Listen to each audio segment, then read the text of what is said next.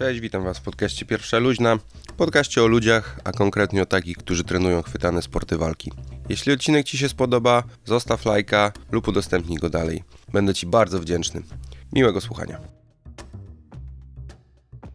Moim kolejnym gościem jest Kacper Formela, wywodzący się z karate zawodnik MMA, który dzierży obecnie pas mistrzowski organizacji FEN w wadze piórkowej. Pogadaliśmy m.in. o jego ostatniej walce, szansach na kontrakt w UFC, o lekcjach wyciągniętych z porażek, jego klubie Formula Fight Team oraz o prowadzeniu kanału na YouTube. Enjoy! Cześć Kacper. Cześć, czołem wszystkim. Słuchaj, ja uważam, że to jest trochę zabawne, że dzisiaj się widzimy pierwszy raz, się dzisiaj poznaliśmy, a w środowisku trójmiejskich sportów walki nie jest aż takie duże, więc fakt, że nigdy jakoś się nie przecięliśmy na jakimś jiu-jitsu czy, czy gdziekolwiek indziej, uważam za ciekawy, nie? No, zwłaszcza, że też na jednej edycji byłem na 24-godzinnym e, maratonie jiu-jitsu w Gdańsku. U Złomiarzy jeszcze nigdy nie byłem, ale no to prawda, to środowisko nie jest jakoś ultra e, duże i że dopiero teraz się mamy okazję poznać i porozmawiać, to, to jest mała, dziw, dziwna sprawa. No, to zapraszamy na salę koniecznie. E, wiadomo, że raz, że masz bliżej do Gdyni i masz bardziej potrzebę robienia nogi i co by nie mówić, tutaj Pirania e, zdecydowanie góruje nad nami pod względem nogi. Na, nasza grupa nogi też się bardzo rozwija. Andrzej Iwat psu ją prowadzi i tam mm, z tego co widzę chłopaki i dziewczyny naprawdę się szybko rozwijają, więc pewnie jest z kim porobić, także zapraszamy. No, kimono mam. O. kimono mam, trzy Ma... razy założyłem. I za każdym razem, jak ubrałem e, G i po treningu byłem cały zdarty na, na, na, na twarzy. To są moje pamiątki po, po jiu-jitsu. No słuchaj, jesteś teraz na roztrenowaniu, to nie ma lepszego, znaczy roztrenowaniu. Nie wiem, czy jesteś na roztrenowaniu, jesteś po walce. Powinieneś być na roztrenowaniu. Na potygodniowym roztrenowaniu e, tak, e, ja zawsze tydzień po walce, bezwzględnie co by się nie działo, mam w głowie wakacje więc sobie troszkę baluję, jeżdżę po znajomych, spędzam z nimi czas. E, brak aktywności fizycznej, ewentualnie jakiś tam rowerek na e, rozruszenie ciała, żeby się nie zastać. I tak wygląda mój tydzień, e, tydzień po walce. Czasami przyciągam sobie to półtorej tygodnia, tak jak tym razem sobie przyciągnąłem ze względu na to, że już w niedzielę, w tą niedzielę wylatuję do Manchesteru na dwa tygodnie. Trener Karl się spytał, czy ja już przygotowuję się do następnej walki. z Manchesteru Top Team. E, powiedziałem, nie, że dopiero po walce jestem, ale mieszkam w kurorcie i tutaj jest bardzo dużo pokus, y, chociażby, że nie potrafię się powstrzymać przed jedzeniem, jak już jeszcze nie mam zaplanowane walki. A jak pojadę do Manchesteru i będę spał w kontenerze i tylko będę miał jedno zadanie, trenowanie, jedzenie, spanie i trenowanie, no to gdzieś ta dyscyplina sportowca będzie e, zdecydowanie lepsza, przez taki okres dwutygodniowy już nastawię się psychicznie, że wchodzę w tryb przygotowawczy. Jak ja przyjadę tutaj nad morze, dalej trw będzie trwał sezon, to będzie już szczyt se sezonu, to już moja głowa będzie tak nakierowana na, na przygotowania, że żadne, że tak powiem, e, pokusy tutaj mi nie, nie będą sprawiały e, trudności, ale teraz jest taki luźny moment, że każda budka, czy to lody, gofry, pizza, hamburgery, czy, czy, czy, czy imprezy, czy piwko, nie piwko. E, to są takie rozpraszacze, gdzie mi ciężko będzie wejść mi w, w obroty, bo dopiero to się wszystko zaczyna, zaczyna ja jestem świeżo po walce i czuję, że potrzebuję odciąć się od tego wszystkiego i nastawić głowę z trybu wakacyjnego na tryb znów przygotowawczy. Okej. Okay. No tak, a brytyjska kuchnia to nie jest wielka pokusa, nie? Nie, zwłaszcza, że ja tam nie będę miał swoich podełek od diety od brukoła i będę musiał gotować samemu, nie będę e, jakoś mega ultra wydawał pieniądze na słodycze, bo to jest dla mnie też głupota wydawać trzy razy więcej pieniędzy, bo tam ceny też są dużo większe. Trzy, nie będzie żadnych budek z kebabami, hotdogami, pizzami, hamburgerami. E, i gdzieś ta głowa będzie zamknięta na przygotowanie na, na sali, inni ludzie, inni trenerzy, nowa sala, spanie w kontenerze przy sali, to taki klimat daje, że już wiem, że, że będzie przyjemnie sympatycznie i nie, wcale nie będę musiał myśleć nad kontrolowaniem siebie, żeby tutaj przypadkiem nie zjeść czegoś za dużo, bo mhm. w tym tego już pochłonąłem tyle kalorii, że... nie no, zasłużone, zasłużone. A lecisz e, sam, czy, czy ktoś jedzie z tobą? No Seba ma wtedy walkę, prawda? Nie, lecę sam. Stwierdziłem, że... E, jeszcze dałem znać chłopakom w klubie, że, że mam taki plan, ale finalnie lecę sam i chyba to też będzie coś nowego w moim, moich przygotowaniach, że wy, wyprawę sam e, zacznę. Nie będę się za nikim tam rozglądał. Czuję, że to jest dla mnie dobre i, i lecę. Okej. Okay. No dobra, ale jesteś tydzień czy półtora po walce, zaraz sobie wypieprzasz na dwa tygodnie do Manchesteru, jak mówisz, ustawiać głowę żeby wrócić tu już w mentalu pod przygotowania, czyli to nie jest przypadek i nie wierzę, że to jest przypadek i teraz jest ten moment, o którym ci mówiłem zanim zaczęliśmy nagrywać, czyli że będę cię pytał o rzeczy, o które wiem, że nie, nie zawsze możesz powiedzieć, ale i tak będę nie pytał. Dana White Contender Series? Walczymy o to. Walczymy, nic ale, nie jest potwierdzone. Ale walczymy na zasadzie, próbujemy się dobić, czy już rozmawiamy z matchmakerami, z osobami odpowiedzialnymi za to? Były pierwsze rozmowy już przed walką i czekamy na, na, na... A jest jakiś feedback? Masz jakiś tam czutkę, coś mówili, co o tobie wiedzą, jak ciebie postrzegają? Ja mogę powiedzieć, co moja podświadomość mówi. No? Moja podświadomość mówi, że sfinalizujemy e, walkę o kontender mhm. i że po, po wakacjach będę walczył o kontrakt z UFC. Tak mówi, mówi moja podświadomość. Nic nie jest potwierdzone na 100%. Cały czas rozmowy gdzieś tam trwają i czekamy na sfinalizowanie tych rozmów na papierze. Okej, okay. a jak ty się. Znaczy, rozumiem, że też mm, starasz się na pewno nie podpalać, natomiast e, gdzieś śledząc ciebie od lat, no to ten temat UFC zawsze się przewijał, zawsze żeście twardo z Sebastianem mówili, będziemy zawodnikami UFC, widać było, że mental całkowicie na tym nastawiony. Teraz jak powiedzmy jest gdzieś blisko, żeby to się mogło zadziać, e, jest jakaś taka ekscytacja, podniecenie, czy już się otrzaskałeś z tym tematem, czy po prostu na chłodno do tego podchodzisz? Jak, jak jest w tej chwili twoje, twój mental, jeśli o to chodzi? Właśnie to jest problem, że nie ma takiej ekscytacji i podniecenia. Mhm. Właśnie chyba przez te wszystkie lata, gdzie ja już, ja jeszcze nie walczyłem w MMA, w amatorstwie, to w karate, jeszcze były czasy karate i powiedziałem, idę do MMA tylko po to, żeby bić, bić się w UFC, to jest moje miejsce na ziemi. Mhm. Przyszedłem do amatorki, e, zacząłem robić amatorskie MMA, mówiłem, że będę w UFC. Jechałem do Vegas, mówiłem, że będę w UFC. E, po to zacząłem trenować MMA, żeby być w UFC. Na każdym kroku mówiłem, że będę w UFC, że to jest moja droga fightera no i chyba już tak sobie wbiłem do głowy, że prędzej czy później tam się znajdę, mhm. że jak już jestem tak blisko, to się cieszę, ale dopóki nie będę tam czuł się jak w domu, w takim sensie, że nie będę wygrywał walki i zostanę tam dłużej, mhm. to ta ekscytacja jeszcze chyba nie pojawi się. Mi się wydaje, że już tak się mocno przyzwyczaiłem do tego, że będę Uf zawodnikiem UFC, że to jest dla mnie naturalny stan, tylko kwest... Y, dzieli mnie czas. Mhm. I ja już sobie uświadomiłem, że ja jestem zawodnikiem UFC, tak sobie to tłumaczę, tylko dzieli mnie czas. I robię wszystko, żeby te marzenia się spełniły. Ukierunkowuję swoje przygotowanie całe życie, żeby tam się znaleźć. Ja tak sobie tłumaczę, że, że, że, że, że ja, ja już jestem. Tylko papier i czas mi dzieli to osoby, które to słuchają, mogą e, to tak źle może odebrać i że o, gościu pieprzy głupoty, bo jeszcze daleko od morza, nie? No ale ja czuję się, że to jest moje miejsce na ziemi.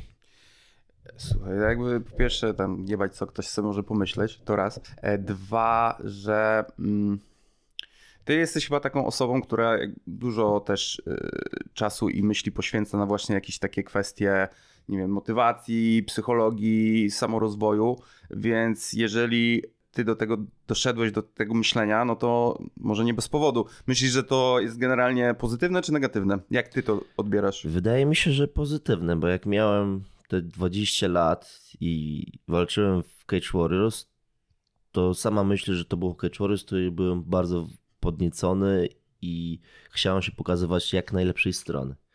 No i co? No i to mnie zgubiło bo przegrałem pierwszą walkę na Cage Warriors, drugi raz jak miałem szansę walczyć na Cage Warriors, to znów się po, pojawiło podniecenie, Mhm. dużo emocji. No i to Mówię- było widać w walce. I to było widać w walce. Jedną i drugą walkę przegrałem.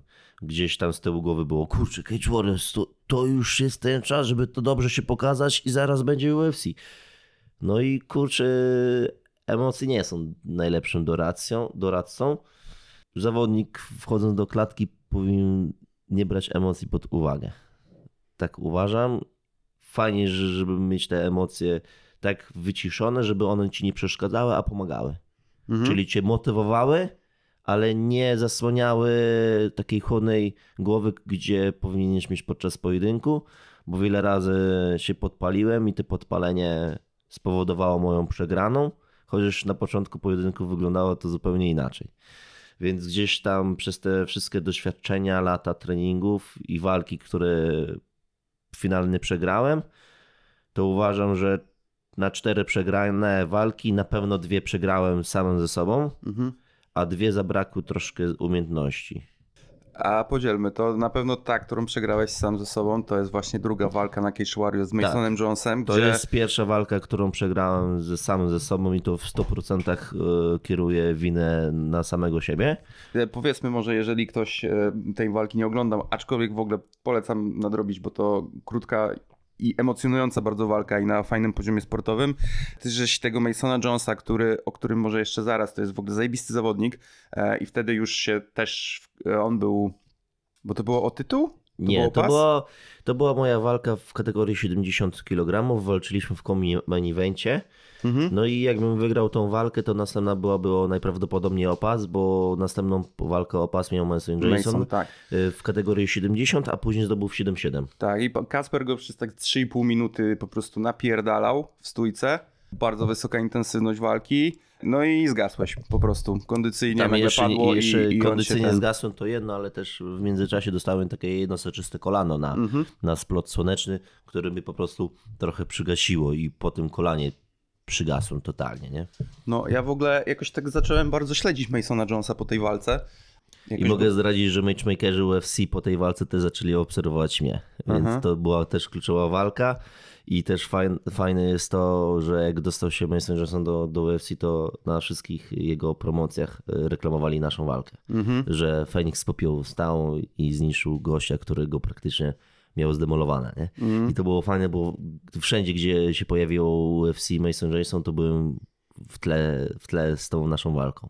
A ty jakoś e, e, nie było tematu, żeby może jakoś razem potrenować, czy coś? Jakąś tam relację po, po walce mieliście, czy... Nie, nie, nie, po, nie, nie, nie. On ciekawą też zrobił teraz ruch, bo on chyba z własnej woli zrobił sobie pauzę od UFC, jemu tak w mieszany sposób poszło, on tam coś wygrał, coś przegrał, miał jakiś remis i chyba to nawet nie było, że to on, on się zdecydował na razie nie przedłużać kontraktu, żeby wrócić jakby silniejszy. Więc w ogóle też ciekawa postawa i nie do końca jakby to, to nie jest taka sama jak twoja, ale ty też e, byłeś powiedzmy już tam blisko, właśnie to Cage Warriors i tak dalej. Trochę się to wydłużyło, ale chyba z korzyścią dla ciebie jako zawodnika, nie? Dla zawodnika myślę, że tą drogą, którą ja idę, jest chyba mm, bar, bardzo dobrą drogą, aczkolwiek gdzieś tam z, z tyłu głowy zawsze sobie układałem, że chciałem być niepokonany, Mhm. że chciałem być mistrzem amatorów, później przejść na zawodowstwo. Mistrzów amatorów nie, nie udało mi się uzyskać, ale gdzieś tam w Vegas dwa razy byłem i próbowałem e, zostać tym, e, tym analistą mistrzostw świata amatorskiego MMA. Chciałem być jako e, najmłodszy zawodnikiem UFC, być w UFC, chciałem być później najmłodszym mistrzem UFC. Wszystko, co, co u mnie w mojej głowie się rodziło, to zawsze bym chciałem być topem. I Mhm. już w mojej głowie się urodziła le- legenda, która umarła i wszyscy o niej pamiętają. Ja już sobie zaplanowałem całe życie, jak chodzi o, o bycie zawodnikiem, tylko nie wszystko wygląda fajnie tak jak jest. I mam 20 teraz 7 lat, nie jestem najmłodszym zawodnikiem UFC, nie jestem mi- najmłodszym mistrzem UFC i jeszcze w UFC nie jestem.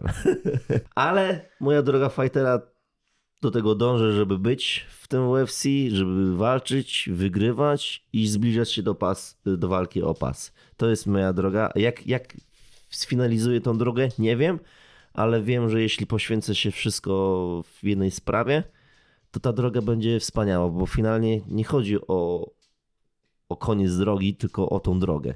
żeby Mhm. jak najlepiej przeżyć wspaniale tą, tą, tą historię.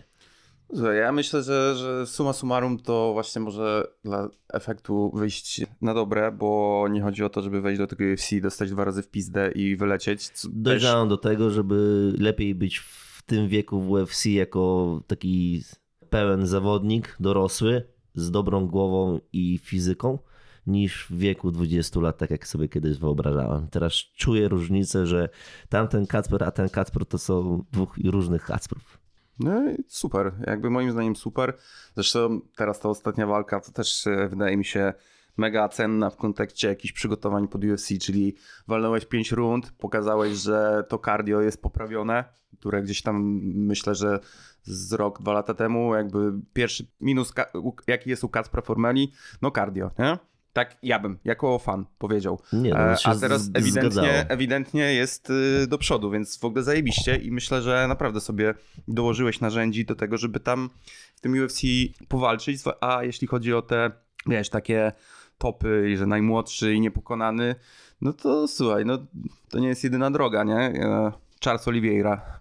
Po prostu tyle lat takiego gościa gdzieś w okolicach top 15, tu wygrał, tu przegrał, e, dwie walki do przodu, jedna w tyłu, do tyłu, dwie walki do, i, i potem nagle jak wystrzelił, po prostu zdobył ten tytuł i nagle ludzie stwierdzili, że on jest y, nie do ruszenia i pewnie gdyby nie Islam Makaczew, to dalej był ty, tym mistrzem by był. To też jest jakaś droga, nie? I jakby efekt na końcu jest równie przyjemny. I uważam, że ta droga finalnie trzy razy lepiej smakuje niż takiego zawodnika, jak ja sobie wykreowałem w głowie, żeby być niepokonany, naj- najmłodszy, najlepszy i najlepiej od razu wszechstronny i nie do ruszenia.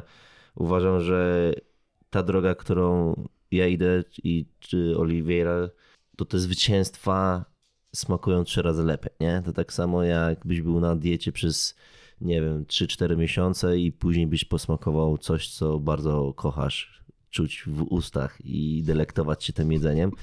No to tutaj jest może podobne, że są porażki, przygotowujesz, wkładasz całe swoje serducho w walki, masz oczekiwania, masz marzenia, no i wygrywasz kilka walk i jedną przegrywasz i cofasz się. Później znów wygrywasz jedno, dwie i później znów przegrywasz. I finalnie później dostajesz to, co, po co trenujesz, to to musi smakować pięć razy lepiej. Mhm. Musi.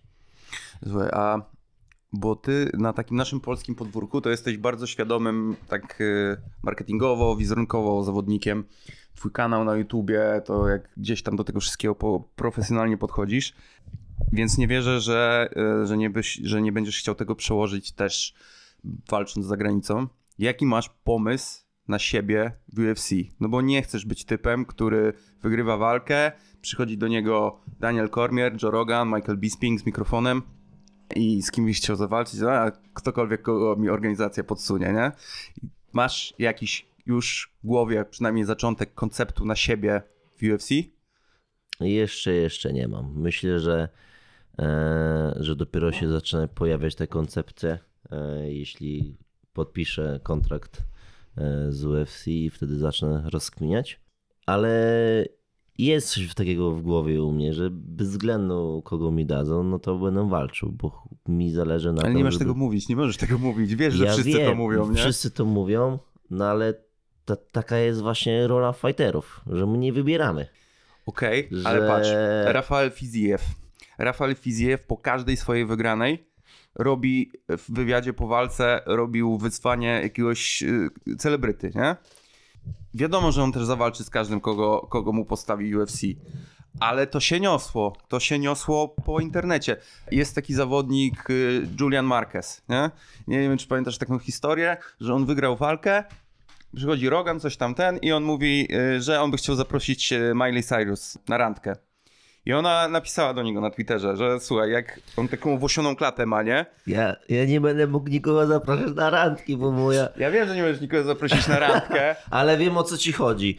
Czyli jak chodzi o Słuchaj, wybieranie zawodników i, i te, kierowanie... te z- 60 sekund po wygranej walce to jest najważniejszy y, medialnie, moim zdaniem, moment dla zawodnika. Nic, co zrobisz później na konferencji prasowej, w swoich y, kanałach, w social mediach czy coś, nie, nie, nie odbije się tak, jak potencjalnie odbije się ten. Właśnie Magda przyszła i właśnie mówi, że dobrze, że nikogo nie będę zapraszał na randkę. No dobrze, na randkę nie zaprosisz, ale możesz zaprosić na randkę do oktagonu. Do, do oktagonu, tak. W sensie wiesz o co chodzi. Ja wiem, że ty wiesz o co chodzi, że. Yy, Trzeba wykorzystać chociaż, te, Trzeba te, się chociaż te, trochę wyróżnić, tak, nie? No, nie? Nie trzeba nawet 5 minut, właśnie to minutę trzeba wykorzystać, ale też mi ciężko wybierać przeciwników i myśleć o tym, co będę mówił po, po, po, po walce, jeśli nie mam zapewnionego kontraktu. E, tylko ciężko mi to zwizualizować, co nie? Mhm. Ale na pewno to jest najle najlepszy moment. Też uważam, że dlatego bez powodu e, nie biorę zawsze mikrofonu po walkach, nie? Już trener z Sebastianem się śmieją, że ja za, za dużo mówię Mhm. po, po walkach i, się śmieją, że zaczynam brać majka i zaczynam z- swoje- Płynąć, nie? płynąć. Ale ja jestem właśnie świadomy, że to jest, to jest właśnie te 5 minut, gdzie mogę coś powiedzieć, co odbierze dużo szersza publiczność, bo później na konferencjach, wywiady, to, to jest już dużo, dużo mniejsza publiczność i nie, nie będzie tak mocno fajnie odebrane, nie? Tak, cały, cała ta otoczka tego, że wiesz, mówisz to jeszcze z jakimiś szramami na, na twarzy, zaraz po wygranej i tak dalej, to naprawdę robi, robi efekt i ja rozumiem też podejście, że no jakby nie chcesz się nastawiać, że zrobię to i to, bo myśleć o tym, wiesz, Adam Małysz, oddać dwa dobre skoki, nie? A potem zobaczymy, co dalej. Natomiast ewidentnie, moim zdaniem, mocni marketingowo zawodnicy są do tego przygotowani, nie? Izrael Adesanya doskonale wie, co powie w oktagonie po wygranej. Jeżeli nie wygra, no to trudno, to nie No powie trudno, tego. nie. Ale jest przygotowany, wierzę, że jest w stanie i ty też byłbyś w stanie zrobić tak, że to, że jesteś przygotowany do tego, co chcesz powiedzieć i co chcesz zrobić po wygranej, nie wpływa na walkę. Nie, Nie, Że- że- zwłaszcza, że ja przestudiowałem taki schemat myślenia chociażby na zaręczynach. Ja wykluczyłem zaręczyny przed, przed walką i powiedziałem, że ostateczną decyzję podejmę dopiero po. A Mhm. wszystko już było przygotowane. No, zależy jakbyś potoczył pojedynek, nie? Mhm. Jakbym przegrał, no to bym pewnie le, lepszą okazję znalazł, nie? No tak. Albo następną walkę, co nie? Ale że szybko mi się udało wygrać w bardzo fajny, efektowny sposób, no to po wygranej od razu powiedziałem, dobra, robimy to, nie? Więc y, gdzieś ten schemat y, taki już zakładania, co się stanie po walce, aby zrealizować y, plan, co powiem albo wykonam, jest jak najbardziej odpowiedni, bo to nie ma wpływu na moją dyspozycję podczas walki. Potrafi już to robić. Okej, no to zajebiście. To to jest w ogóle mega mocny, mega mocna umiejętność i mega mocny punkt i to, że jesteś tego świadomy, moim zdaniem bardzo ci może potencjalnie przynieść korzyści, no bo umówmy się, z tej samej wygranej można mieć efekt niewielki, a można mieć gigantyczny i to jest naprawdę to, co po niej zrobisz, będzie miało na to wpływ. Oczywiście jakby można pierdolić głupoty, jeżeli się potem w oktagonie daje, nie wygrywa albo wygrywa się w nudny sposób, to niewiele to daje. Ale jak się to połączy, no to jest sztos, nie? No, zwłaszcza, że mam kilka takich fajnych, efektownych e, walk i myślę, że w tej Lidze Mistrzów ten poziom efektywności e, będzie dalej na poziomie. No to sztos, sztos. Bardzo się cieszę, że przede wszystkim o tym rozmawiamy, chociaż mm, też e, śledząc ostatnie gdzieś tam twoją aktywność wypowiedzi, takie miałem wrażenie, że właśnie to, co mówimy, że już jesteś bardziej dojrzały do tego podchodzisz i rozważasz też alternatywy, nie? Tam temat KSW gdzieś się przewijał. Jeszcze był taki jeden motyw, który też ja wyciągam z niego pewne wnioski. Była, była sytuacja, że miałeś taki beef z Adrianem Kempą, prawda? Było. I tam pamiętam w oświadczeniu Pawła Kowalika, twojego menedżera, z jakiego tam powodu, co tam się zadziało, czemu to nie doszło i tak dalej, co jest mało istotne, ale było, że, że była propozycja, ładnie to było nazwane, bicia się na gali pozasportowej, e, na zasadach w ogóle Muay Boran, 30-minutowa jedna runda i tak dalej. To w ogóle, w ogóle mega brzmi, nie? Ale fakt, że jakby to gdzieś było rozważane, nie doszło do tego z jakichś tam powodów pozasportowych, tak? Z powodów jakichś menedżersko-finansowych, ale fakt, że to było rozważane, po- pokazuje, że no, miałeś e, brałeś taką też opcję pod uwagę, nie? że okej, okay, dalej chcesz być tym zawodnikiem UFC, ale może trzeba sobie jakieś tam ścieżki pokopać gdzie indziej. A zakładam, że pewnie z dwa lata wcześniej byś w ogóle tego nie, że walić, nie będę się w jakimś tam, wiesz, no nie będę, nie będę ukrywał, no nadarzyła się okazja, że były przypychanki na internecie, było bardzo duże zainteresowanie tą walką. Całe środowisko MMA huczało e, o tym. E, nikt nie mówił o żadnych innych walkach, tylko z Adrianem Kempą. No i ja byłem świadomy, że na tej walce możemy trochę zarobić. Ja w tym czasie budowałem salę w Chłopowie, e, moją prywatną, gdzie prowadzę klub. No i potrzebowałem bardzo dużego zastrzyku gotówki. No nie ukrywam, dalej finansuję, dalej wkładam dużo pieniędzy w rozwój klubu. Mhm. E, dużo jeszcze jest do zrobienia. No i jak miałem się z Adrianem Kępą się bić, to na pewno nie na zasadach e, MMA, bo uważam, że no to nie jest ten poziom sportowy, ale stwierdziłem, że jeśli chce ze mną się bić, to dam mu szansę i zrobimy to na moich warunkach. Ja to wymyśliłem e, sznurki, ja wymyśliłem bez, bez podziału na rundy, tylko jedna runda 30-minutowa. Jeszcze powinna być płynna żywica i tłuczone szkło, nie? To, to już w ogóle byłoby hardcore. No i rzuciłem pewną sumę pieniędzy za tą walkę, o której bym też nie chciał mówić, ale no też nie była nie wiadomo jaka wygórowana, ale to też nie była taka, że mniejsza, w sensie no, na pewno więcej niż z walkę o pas. Mhm. To mogę zdradzić. No ale to też nie były jakieś nie wiadomo jakieś sumy, że 200-300 tysięcy. Po prostu nie dogadaliśmy się finansowo, a moim celem było po prostu zarobić na rozwój klubu, a dodatkowo zabawić się w inny sposób niż tradycyjnym i mieć jakieś doświadczenie, ale to miał być tylko i wyłącznie jedno, jednostrzałowy rzut i trochę pobawić się bardziej brutalnie, ale mhm. do niczego nie doszło, bo jak miałem ryzykować zdrowie taką zabawą, to chciałem zrobić klub na tip-top. No ale okay. ani tu, ani tu nie wyszło, a za kilka złotych nie będę marnował zdrowia ze względu na to, że oczy są skierowane tylko i wyłącznie na, na jedną federację na świecie. Dobra, to postawię cię przed takim hipotetycznym, może trudnym, może nie trudnym wyborem.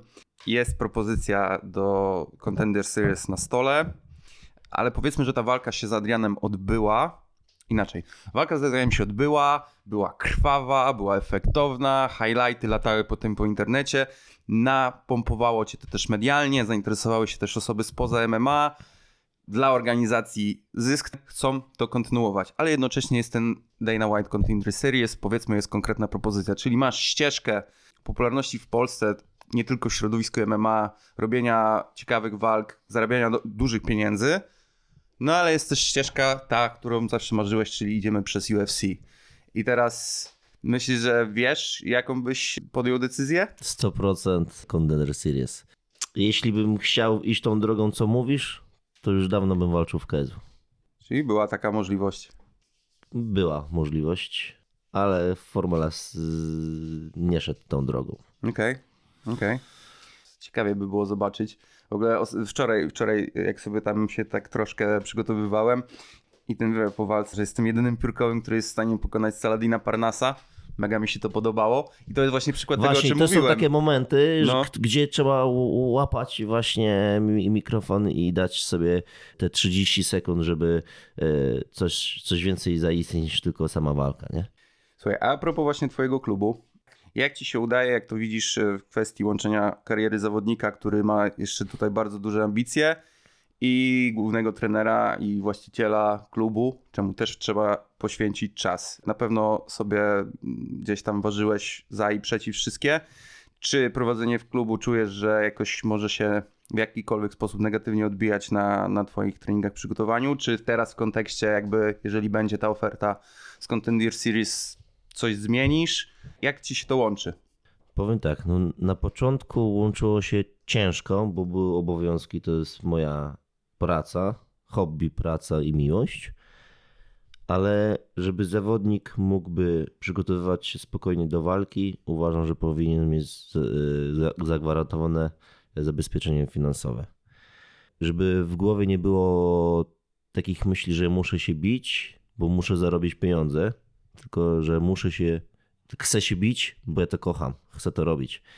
I właśnie klub daje mi takie zabezpieczenie, zabezpieczenie finansowe, że nawet jeśli walki nie mam, mhm. to jestem w stanie z, z Magdą e, bezpiecznie funkcjonować w życiu e, codziennym, bez wypłaty za walki. I to daje mi taki luz psychiczny. Po, po latach, e, gdzie udało mi się uzyskać własną salę, w rok czasu udało mi się, jeszcze nie w rok czasu, tylko to trochę dłużej zajęło, ale przez rok czasu uda, udało mi się tak zorganizować klub, że mam dwóch wspaniałych trenerów, który, którzy e, już i, i, Szymon jest na, na studiach, e, studia AWE w Gdańsku. E, Weronika Ciskowska, która trenuje u mnie już trzeci rok, przejęła grupę dzieci. Ja z dziećmi już nie pracuję, tylko wchodzę na zajęcia w momencie, kiedy moi trenerzy nie mogą poświęcić im czasu, bo mają jakieś inne sprawy. Też idziemy z Weroniką razem na studia do Białej Podlalskiej na kierunek sporty walki, więc dalej edukuję swoich trenerów i samego siebie w tym kierunku. I klub y, funkcjonuje, że jestem głową rodziny, głową, głównym trenerem. Ja rozporządzam treningami, ale wysyłam plan treningowy jednym i drugim y, trenerom. I jeśli ja mam, jestem w przygotowaniach, jestem na wyjeździe, to oni przyjmują moją pałeczkę i tą wiedzę, którą oni posiadają, posiadają ode mnie i też z Mighty Bullsów, bo jeżdżą też do Mighty Bullsów. Mhm. I wspólnie prowadzimy zajęcia. Oni bardzo mocno mi pomagają w prowadzeniu klubu i w momencie, kiedy oni się pojawili jako trenerzy Formula Fight Team, to ja zacząłem jeszcze bardziej poświęcać swojej karierze. Dzięki temu, jak ja zacząłem się poświęcać swojej karierze, to im przywożę coraz nowszą, nowszą wiedzę z różnych miejsc na świecie. I myślę, że to jest dobry moment, żeby jeszcze bardziej się poświęcić, a oni zaopiekują się klubem podczas mojej nieobecności i sobie zabezpieczyłem e, właśnie prowadzenie zajęć e, mhm. właśnie Weroniką i Szymoną, którym bardzo im dziękuję. Mhm. I to są takie moje prawe ręce w klubie. Okej, okay, super. No bo właśnie chciałem za, na ile mógłbyś sobie na przykład pozwolić, żeby cię nie było, nie? Na, te, na tę chwilę mogę sobie pozwolić, żeby nie, nie było mi na bardzo długi okres czasu, mhm. aczkolwiek na razie robię takie dwutygodniowe strzały. Mhm.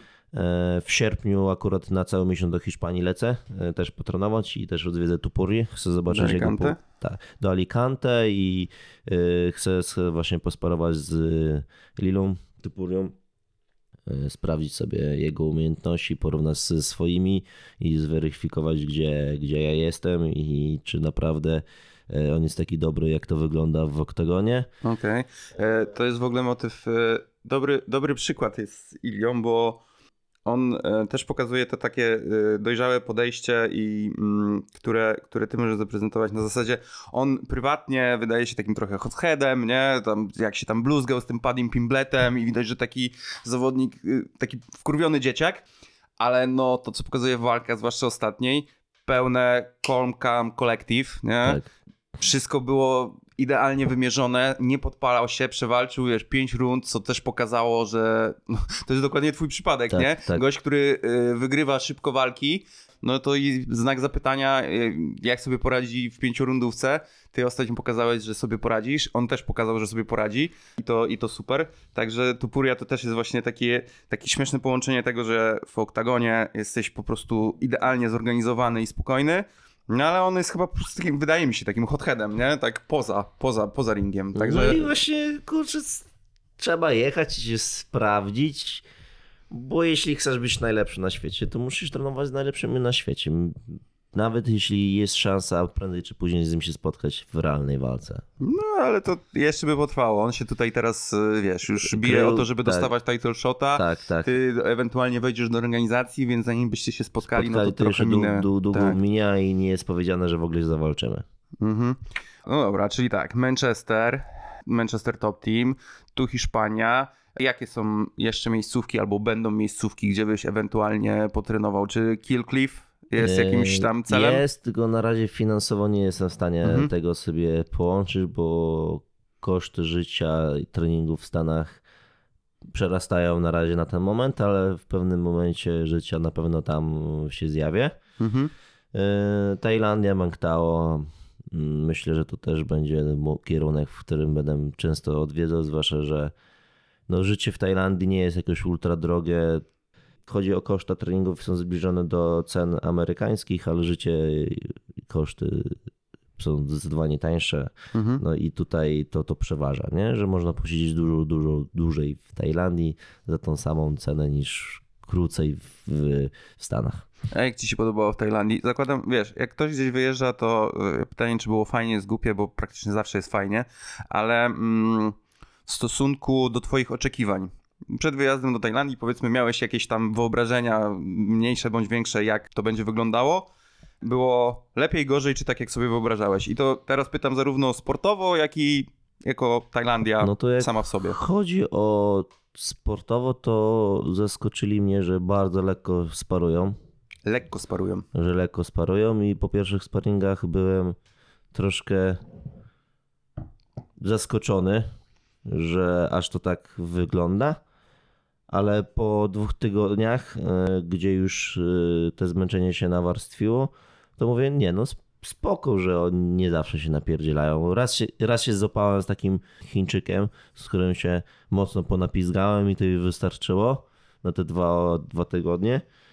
Ale to, co sama Seba powiedział wracając ze Stanów, że ty, ale oni naprawdę lekko trenują, nie? że oni tak ciężko nie trenują jak my, że i w ogóle nie ma przepaści, zero kompleksów, nie? że oni inaczej podchodzą do, do treningów, nie? Mówię, no kurczę, ja miałem bardzo podobne wrażenie, co, co, co, co ty wracając z Tajlandii, nie? Więc y, to mnie zaskoczyło, że ci zawodnicy, gdzie, gdzie są w UFC, PFL-u, w Bellatorze, spotykamy się wszyscy na jednej macie, no to tam nikt nie chce urwać sobie głowy na za wszelką cenę. Nie? A z kim się tam przecinałeś w tej Tajlandii? Z, z, Rilo, walczyłem, e, Morfinem, e, mhm. który ma 12 rekord w UFC. E, właśnie z takim Chińczykiem, co w PFL-u walczył. No spoko, spoko i wcale naprawdę nie mamy kompleksów. Możemy z nimi rywalizować i bez, bez żadnych kompleksów mhm. i naprawdę fajne walki dawać. To znaczy, że oni prawdopodobnie trenują efektywniej trochę, nie? Jeżeli są w stanie trenować lekko, osiągać też wysokie wyniki i wiesz, mówisz, nie, nie musimy mieć kompleksów, jesteśmy na podobnym poziomie, tylko że tutaj w Polsce chłopaki zapierdalają, tak? I to jest, wiesz, taka tak. największy... Mm, nie, jak nie mm. zapierdalasz, to się nie tak, rozwijasz. Tak, nie? dokładnie. A okazuje się, że można, wiesz, te wszystkie motywy, jak a... zaczął Robbie Lawler tak. mówić, że ja już nie sparuję, ja już się umiem bić, nie? Ja, ja, się już przygotowuję do walki i tak dalej. Okazuje się, że są różne podejścia, nie? Tak. Niektóre całkiem mądre. Wiesz, ja mam podejście bardzo wypośrodkowane. Ja uważam, że nie powinniśmy mocno sparować, ale też uważam, że w przygotowaniach jeden, dwa sparingi muszą być mocniejsze bo finalnie też musimy wiedzieć, co nas czeka podczas walki. Nie, nie mhm. mówię, że na każdych sparingach powinniśmy urwać sobie głowę, ale jedne, dwa sparingi powinny być takie mocniejsze, nie na 100%, ale mocniejsze niż, niż tylko takie reakcja, pykanie, zaznaczanie ciosów, bo takie i takie sparingi są potrzebne moim zdaniem i nie można, i nie można tylko i wyłącznie lekko sparować, i nie można tylko i wyłącznie mocno sparować. Trzeba to mega mocno wypośrodkować, nie? Okej, okay, a wracając do tej y, Tajlandii, kraj jako taki, jak, jak ci się podobał, co, co cię tam może zaskoczyło, albo się spodobało, albo nie spodobało no, i czy mógłbyś tam na przykład, czy mógłbyś tam spędzić, nie wiem, rok? Bym był w stanie spędzić rok, aczkolwiek chyba na stałe bym nie chciał tam mieszkać, chociaż kocham, zakochałem się w Tajlandii, piękne miejsce, niesamowici ludzie, kultura jest wspaniała, chyba najbardziej się zakochałem w kulturze, gdzie wszyscy są uśmiechnięci, życzliwi, pomocni. E, oni bardzo wierzą w karmę, więc oni naprawdę sieją dobro, bo wiedzą, że to dobro do nich, wierzą w to, że to dobro do nich wróci, a wszelkie zło, co oni sporządzą, no to zostanie odpokutowane czymś złym. Mhm. Więc tam nie ma, nie ma, na pewno są złodzieje, no, wszędzie są złodzieje, no ale tam zostawiają skutery na każdym kroku, otwarte domy, otwarte samochody, zostawiają wszystko wszędzie i to nie ginie. Wszyscy ci pomagają, uśmiechają. Jest naprawdę sympatycznie.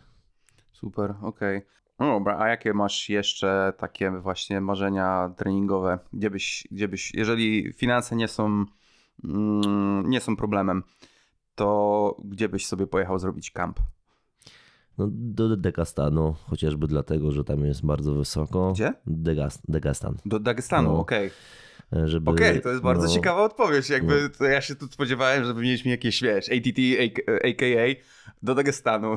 No super, no, no, no. No bo chociażby na wysokość prowadzonych zajęć, no to tam już masz dwa w jednym. Jesteś na wysoko, e, tlen zupełnie inaczej dociera do organizmu i jesteś na macie. Do tego dołączysz jakieś robienie cardio, no to po miesiącu, dwóch, no to, to masz tak, taką fajną wydolność i do tego jeszcze potrenujesz z zapaśnikami e, i wzmocnisz zapasy no to już masz bardzo dużo takich czynników y, w, w jednym kampie, nie? Mhm. No i jeśli trenujesz na bardzo wys, y, wysokich górach i później przyjeżdżasz do, do niżej na walkę, no to Mhm. tamten drugi gościu ma przejebane, no, no bo tak jakbyś był na, na, na, na, na, na naturalnym dopingu, nie? Mhm. Mhm. Że twoja wydolność jest dużo, dużo większa, lepsza. Wy- Wydajniejszy jesteś. A jestem ciekaw. No e, i styl y, zawodników z Aha. No, te zapasy na mega wysokim poziomie, gdzie w MMA to jest kluczowy aspekt, bo to jest łącznik dwóch płaszczyzn. Nie? Jeśli chcesz się bić w stójce, robisz defensywę i bijesz się w stójce. Jeśli chcesz przełożyć tą walkę do parteru, robisz zapasy ofensywne i śmigasz do, do, do parteru. To jest twój łącznik i to, te zapasy są kluczowe w MMA. Jestem ciekaw, jak e, ty, czy w ogóle osoby, nie wiem, jacyś zawodnicy z Polski, czy jeszcze bardziej z Zachodu, by się odnaleźli kulturowo w takim Dagestanie, nie? Czy no teoretycznie właśnie świetny pomysł, nie? Dlaczego ci Dagestańczycy na, na, napieprzają tych wszystkich kurde ludzi, czemu by do nich nie pojeździć? A jednak nie słyszy się o tym, żeby ludzie jakoś tam jeździli. Jestem ciekaw, e, no na pewno jest bariera językowa, bo oni pewnie nie śmigają za dobrze po angielsku, a, a ruskiego już się nikt nie uczy. No ale jestem ciekaw, e, czy oni w ogóle byliby chętni, albo jakby, jakby jak, jakby się zachowywali e, wobec, wobec takich gości. No to jest w ogóle mega, mega ciekawe. No na pewno trochę, trochę ludzi tam pojechało trenować, ale, ale tak jak do Tajlandii się, wiesz, Tajlandia stała się taką, e, no może nie Mekką, ale takim no, no mega miejscem, żeby pojechać potrenować. Teoretycznie Dagestan też mógłby się stać, ale może oni, może oni za bardzo są tymi dziwnymi góralami. No, wydaje mi się, że oni nie lubią wpuszczać na swój teren obcych ludzi, że oni mają, to jest ich kawał ziemi i jak ktoś się pojawia nowy, no to najlepiej go dojechać, nie? No, I w tym tutaj byłby problem, że jakbyś miał słabszy dzień i byś chciał luźniejsze sparingi zrobić, to tam nie zrobisz luźniejszych sparingów, byś musiał wziąć samolot i lecieć do Tajlandii, posiedzieć tam tydzień czasu i wrócić do Dagestanu, E, bo tam na pewno nie będzie luźnych sparingów i tu, tu może być problem, że tam pomiędzy sobą zrobią luźno, mhm. ale dojadą ciebie, Pewnie tak, bo jesteś no. obcy. pewnie tak. No, pewnie, pewnie jest po prostu bardzo, bardzo trzeba mieć twardą skórę, żeby sobie tam mm, wytrzymać, a mówię, no jeżeli masz tą barierę językową, no to też trudniej ci nawiązać jakieś tam kontakty, Kontakty, relacje. jak nie będzie kontaktów, relacji, no to będziesz dłużej dojeżdżany, nie? Będziesz dłużej dojeżdżany, no i trudniej psychicznie sobie by Tak. było, wiesz, kończysz ten trening, idziesz do domu i siedzisz tam sam i se, wiesz, no co najwyżej sobie fejsa z Polski No przejrzysz, to nie? ja będę miał bardzo podobny teraz w Manchesterze, dlatego też za każdym razem w tym Manchesterze, w, w tym kan- kantorze, kontenerze Mhm. e, mieszkają inne osoby. No i ostatnim razem przez 2-3 dni faktycznie był pełny kontener, ale tak to więcej czasu byliśmy sam, sami ze Sebastianem, a teraz lecę sam. Mhm. Więc y, też y, będzie ciekawie. Na weekend wszyscy wyjeżdżają, więc Mhm. ja tam totalnie zos- zostanę sam w klubie. No i wydaje mi się, że akurat ten moment, co ja jestem, to chyba potrzebuję takiego Mhm. być samotny. To jest dziwne, bo ja nie, nie nienawidzę być samotny. Ja na przykład kocham spędzać czas z rodziną i każda stracona minuta, bo co- coś gdzieś trzeba jechać, załatwić dodatkowego, co nie było zaplanowane i zaczyna się, i zaczynam się irytować, bo tracę czas z najbliższymi. Mhm. A tutaj nagle się pojawiło coś, czego nigdy nie miałem, że potrzebuję być samotny i nastawić głowę na, na, na, na, na tylko treningi. Tutaj to jest u mnie coś nowego, dziwnego. Mhm. Ty, Kasper, a jak twój angielski? No, uczę się, ale nie jest na mega wysokim poziomie. I kurczę, to jest moja taka kurczę kulawa noga. Nie? Aha. No ale się uczysz, to jest Cały, najważniejsze, czas, nie? cały czas uczę się. No ale kurczę, najlepszą formę miałem jak podchodziłem do matury. Później trochę się mniej używało tego angielskiego, się pozapominało. Teraz chodzę na korepetycje, trzaskam angielski, Mhm. uczę się, ale mm, ciężko mi idzie, e, bo jakoś kurde mam słabą pamięć do słówek. Nie? Okej. Ale wyjazdy zapewniają Dokładnie. mi, że cały czas gdzieś szlifuję, opo- i słucham cały czas różnych e, filmików e, z angielskim, żeby cały czas sobie gdzieś tam tą Mhm. pamięć słuchową wyrabiać. No i z tygodnia na tydzień jest coraz lepiej, no ale no, no, nie jestem najlepszym w angielskim i ubolewam nad tym, nie? Okej. Ale to taka moja rada. Wykorzystaj właśnie teraz ten wyjazd. żeby dobrze żeby ten, się. słuchaj, no jakby jesteś sam, nie, nie masz w ogóle tego, że okej, łatwo ci uciec w to, że sobie po prostu pogadasz z sobą normalnie, tylko nie masz nikogo, więc y, nie wiem, tam na pewno y, ten już jeździłeś, nie, więc y, z kim tam najlepszy masz kontakt, no po prostu poproś jakiegoś Mów, ten, mów, że słuchaj, cały czas mówić, przy- cały czas tak, mówić. przyjdź, przyjdź do mnie, przyjdź do mnie po treningu, posiedź ze mną pół godziny, wypijemy sobie, wiesz, szejka i to jest pół godziny, wiesz, gadania o nie, o tematach w ogóle nie, nie związanych koniecznie z MMA, więc też bardzo rozwija. No i myślę, że nie muszę ci tłumaczyć, że generalnie gadanie najbardziej e, rozwija są, wiesz, są jakieś tam spotkania często organizowane w różnych miastach na żywo, wiesz, że przyjeżdżają jacyś tam na TV też przez neta, są w ogóle strony, które gdzieś po prostu cię spikuje z kimś i sobie siedzicie pół godziny na, na sobie. kamerce i se gadacie o tym, co u was, nie? I to jest najlepsze i tam, wiesz, to, że nie zapamiętujesz, ciężko ci się zapamiętuje słówka, przestanie mieć znaczenie, nie? A e, jak dobrze wiemy, Polacy generalnie mają takiego trochę hopla na punkcie. nie? Tak, jakby dopóki nie, nie czujesz się, że jesteś perfekt, to się boisz, a doskonale wiadomo, że ludzie z zagranicy mają to kompletnie w dupie i sam fakt, że mówisz do nich w ich języku, oni to szanują, sami o te formy gramatyczne często, często nie dbają, no zresztą widać, wiesz, jak Gamrot y, gada i, i jakby wszyscy na to też y, pozytywnie patrzą, te, te jego wstawki z polskiego gdzieś tam Tak. w środku, to, to jest w ogóle mega śmieszne. No teraz y, przecież Chińczyk wygrał, wygrał walkę i też jakby, wiesz, bez tłumacza, widać, że ten angielski nie jest jeszcze jakiś niesamowity, ale wiedział, że musi pokazać, że Tak. umie i się będzie starał i, i myślę, że i odbiór i w Polsce i za granicą jest super, także po prostu wiesz, to ważne jest pozbyć się jakiegoś tam strachu I blokady. i, i blokady, no ale, ale na pewno jest to ważne i widać, że też już zawodnicy sobie zdają z tego sprawę, nie? E, Nie, no ja już zdawałem sobie dużo, już dużo wcześniej sprawę, tylko kurczę, dopóki się nie wyjedzie e, za granicą, to naprawdę ciężko utrzymać e, ten poziom fa, Mhm. fa, fajnej nauki, nie? Musisz, y, ja myślę, że teraz te dwa tygodnie mentorstwa ci mega, mega, mega pomogą, tak, nie? tak. I naprawdę bez opcji pogadania z kimś po polsku, w sensie, no tam będziesz Nie masz dzwonił. możliwości po tak, prostu. tak, musisz się dogadać po angielsku I i, jeżeli nie chcesz się nudzić, to musisz sobie po prostu kogoś y, zrekrutować do tego, żeby, Do żeby pójść, pójść właśnie gdzieś po treningu, coś pogadać i, i ten, więc y, bardzo fajnie i widać, że no wszyscy zawodnicy, którzy myślą o karierze międzynarodowej e, też, też już o tym pamiętają. Dla Mhm. kawoszy to jest ten moment, kiedy możecie zrobić sobie kawę. Chcesz kawkę jeszcze? Poproszę, no. Dobra, to idę zrobić kawkę. Super. Skoro mowa o kawce, to jest to idealny moment, żeby przypomnieć, że możecie postawić mi wirtualną kawkę w serwisie Buy Coffee. Niezmiernie ułatwi mi to nagrywanie kolejnych odcinków i rozwój kanału. Każda pomoc jest dla mnie cenna i serdecznie dziękuję wszystkim, którzy wsparli mnie choćby symboliczną złotówką. Link do profilu znajdziecie w opisie odcinka. Jesteśmy z powrotem, wyposażeni e, w kawkę. Smacznej kawusi. I tak sobie właśnie pomyślałem a propos tego, co w czasie przygotowywania kawki rozmawialiśmy. No bo tak, jesteśmy w miejscowości Chłapowo, koło Władysławowa, Tak jest. gdzie masz e, właśnie swój, swój klub. No i ty ogólnie zawsze byłeś związany tutaj z okolicą, z wybrzeżem. Tak, tak, Stąd pochodzisz, jak rozumiem. No tak, rodzice są z, z nadmorza. E, Ojciec mieszkał w Gnieżewie, w małej miejscowości, mama w Łebczu też w małej miejscowości. Obydwie miejscowości są położone pomiędzy Władysławem a Puckiem.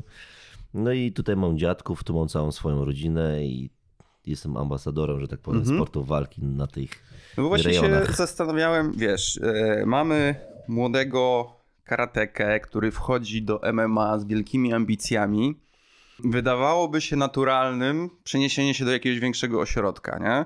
Oczywiście masz tutaj do, do Gdyni stosunkowo blisko, ale albo właśnie na przykład przeniesienie się do Gdyni, tak na, na, na, co dzień, na stałe, albo nawet jeszcze, wiesz, gdzieś, e, gdzieś dalej, to się takie wydaje naturalne, dużo, dużo bardziej naturalne niż po prostu operować ze stosunkowo e, niewielkiej miejscowości, gdzie jakieś tam masz e, mniejsze, powiedzmy, no jest trochę trudniej stąd operować. Dlaczego tu cały czas jesteś i czy brałeś pod uwagę na jakimś etapie przeniesienie się gdzieś? Znaczy, pierwszy był powód taki, że ja zawsze też chciałem mieć własny klub. Mhm. Ale ten klub chciałem otwierać dopiero po zakończonej karierze sportowca. Mhm. Ale życie napisało taki scenariusz, jak nie inny, że mój bardzo dobry kolega Piotr Adrian, którego serdecznie pozdrawiam, e, prowadził e, klub w Wodysowie, Griff Team Wodysowo i nagle wyjechał do Niemiec za, za pracą, bo no, te zarobki klubowe nie były wystarczająco na dobrym poziomie, żeby utrzymać rodzinę. No i osoba, e, od której wynajmował salę, poprosiła mnie, czy bym nie mógł poprowadzić po prostu zajęć w tym klubie.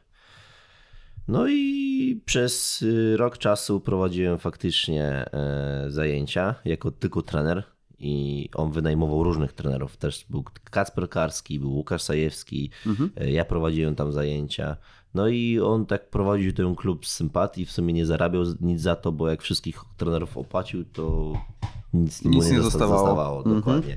No ale że to była taka pasjonata, e, klub z, pas, z pasji, no to w pewnego razu mówił, no mi Kacper się totalnie już to się nie opłaca, ja mam różne biznesy i potrzebuję osobę, która przejmie dowodzenie. Nie? No to dobra, jak ja mam przyjmować dowodzenie, to już lecimy na moich warunkach, że zmieniam nazwę na Formula Fight Team, że ja chcę prowadzić zajęcia i przekazywać swój styl walki i swoją ideę klubu prowadzić. No i tak, tak zostało, że z zwykłym trenerem stworzyłem nowe stowarzyszenie, nową nazwę klubu i od zera zacząłem e, budować swoją markę e, klubu ale już salę miałem. Salę została na takich zasadach wynajmowana, jak, jak wcześniej było.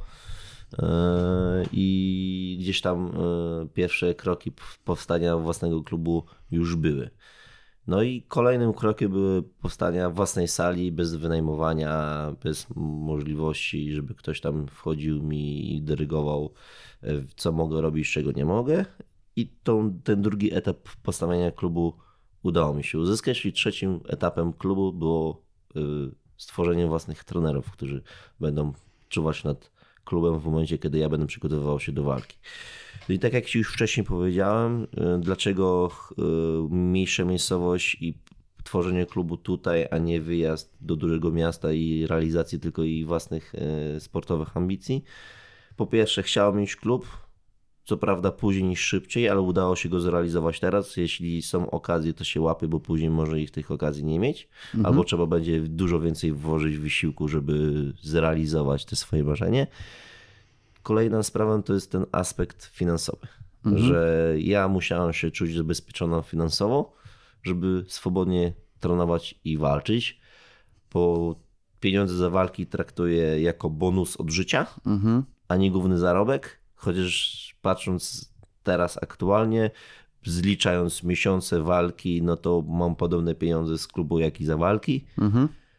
Ale muszę mieć ten luz psychiczny, żeby bawić się sportem, a nie robić coś na siłę. Nie lubię mieć presji. I, mhm. i dlatego prowadzę klub, przekazuję wiedzę w mniejszej miejscowości i mogę sobie wychodzić prowadząc zajęcia e, na klapkach do klubu, ale koszt jest taki, że może godzinę poświęcić na dojazd do Gdyni. Mhm. Nie no, jakby to, e, to, że prowadzisz klub w mniejszej miejscowości, to jest akurat moim zdaniem bardzo e, dobry ruch biznesowo, bo po prostu w takich miejscowościach jest e, no nie, nie, nie ma tej konkurencji, nie ma, czy nawet nie bezpośredniej konkurencji, bo jako konkurencję często sobie myślimy, wiesz, drugi klub tam jiu-jitsu, MMA czy coś, a konkurencją jest wszystko to, co zabiera wol... klientów. Tak, wolny czas dzieciakom, czyli twoją konkurencją też jest e, piłka nożna i twoją konkurencją są, wiesz, gry komputerowe, tak. nie? A, więc to jest, to jest dobry ruch, y, bo, bo, bo myślę, że łatwiej w takim miejscu znaleźć właśnie osoby, które mają czas i, i znajdą chęć, ale rozumiem, że jeszcze kiedy wchodziłeś w MMA zawodowe, no to jeszcze że tak powiem, no mówisz, miałeś plan, że dobra, to po karierze, pod koniec kariery otworzy klub. To nie myślałeś o tym, żeby się przeprowadzić do Gdyni na stałe? Nie, bo wtedy mieszkałem w Rekowej. Do Gdyni miałem 20 minut. I Aha. chłopacy nawet, którzy mieszkali w Gdyni, to jak były korki, to Dłużej dojeżdżali niż dłużej dojeżdżali niż ja, bo ja wyjechałem sobie na główną ulicę, dosłownie 10-15 minut i już byłem w klubie, więc lokalizacja dla mnie była bardzo korzystna.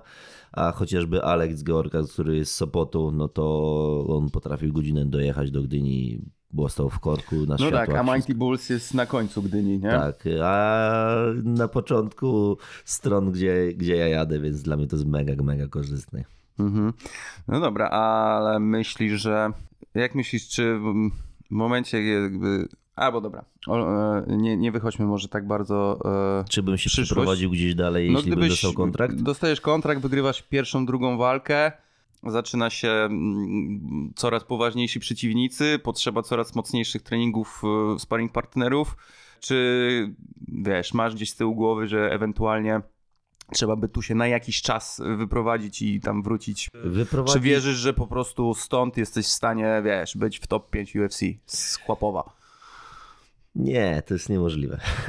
Okej. Chociażby dlatego, że mogę w to wierzyć, ale bym głupcem, jeśli bym w to naprawdę uwierzył, ze względu na to, że wiedza to jest jedno, treningi motoryczne to są druga sprawa, ale sparring partnerzy to jest kolejna sprawa.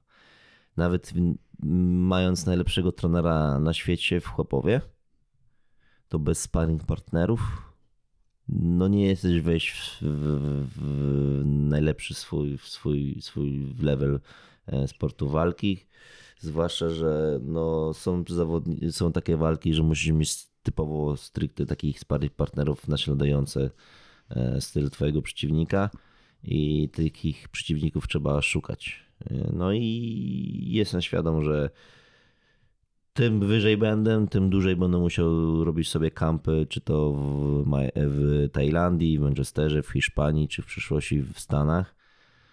Eee, już to się dzieje, dlatego Mhm. do Manchesteru na dwa tygodnie i na miesiąc czasu do Hiszpanii, bo trzeba się rozwijać, trzeba łapać nowych sparring partnerów, trzeba się uczyć nowych styli i iść do przodu, bo osoba, która stoi w miejscu, to się tak naprawdę cofa, bo cały świat idzie do przodu. I jeśli ty nie chcesz zostać z tyłu za nimi, to trzeba nie gonić za nimi, tylko za nimi zapierdalać, żeby ich przegonić. Mhm.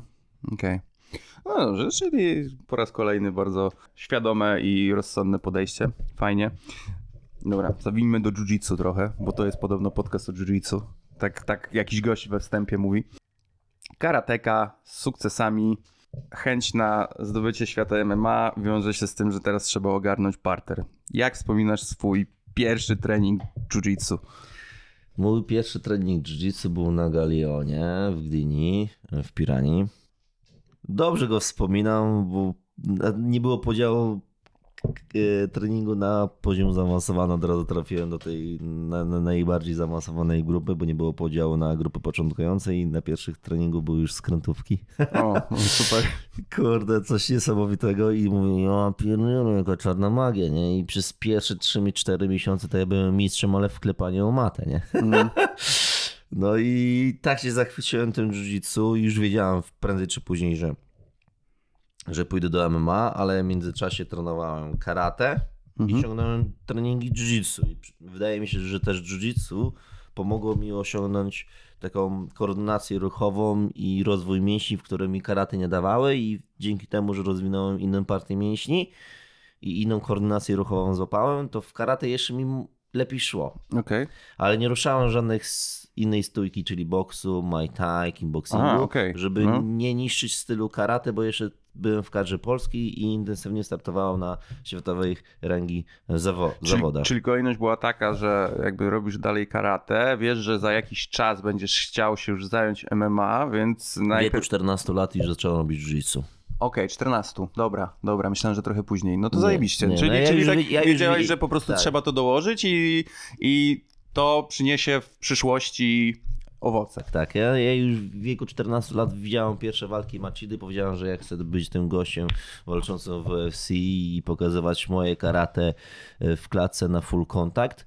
No i już wtedy zdecydowałem, że dołożę sobie treningi brazylijskiego jiu-jitsu. No i w międzyczasie robiłem karate i brazylijskie jiu-jitsu. No i rozwijałem te dwie płaszczyzny yy, i też już kilka zawodów miałem zaliczonych na ADCC. No ale gdy zdobyłem czarny pas w karate yy, i zdobyłem Mistrzostwo Świata w karate Shotokan, yy, w olimpijskim karate byłem ósmy na świecie w juniorach, drużynowe mistrzostwo, wicemistrzostwo Europy w karate WKF, ale drużynowym, mhm.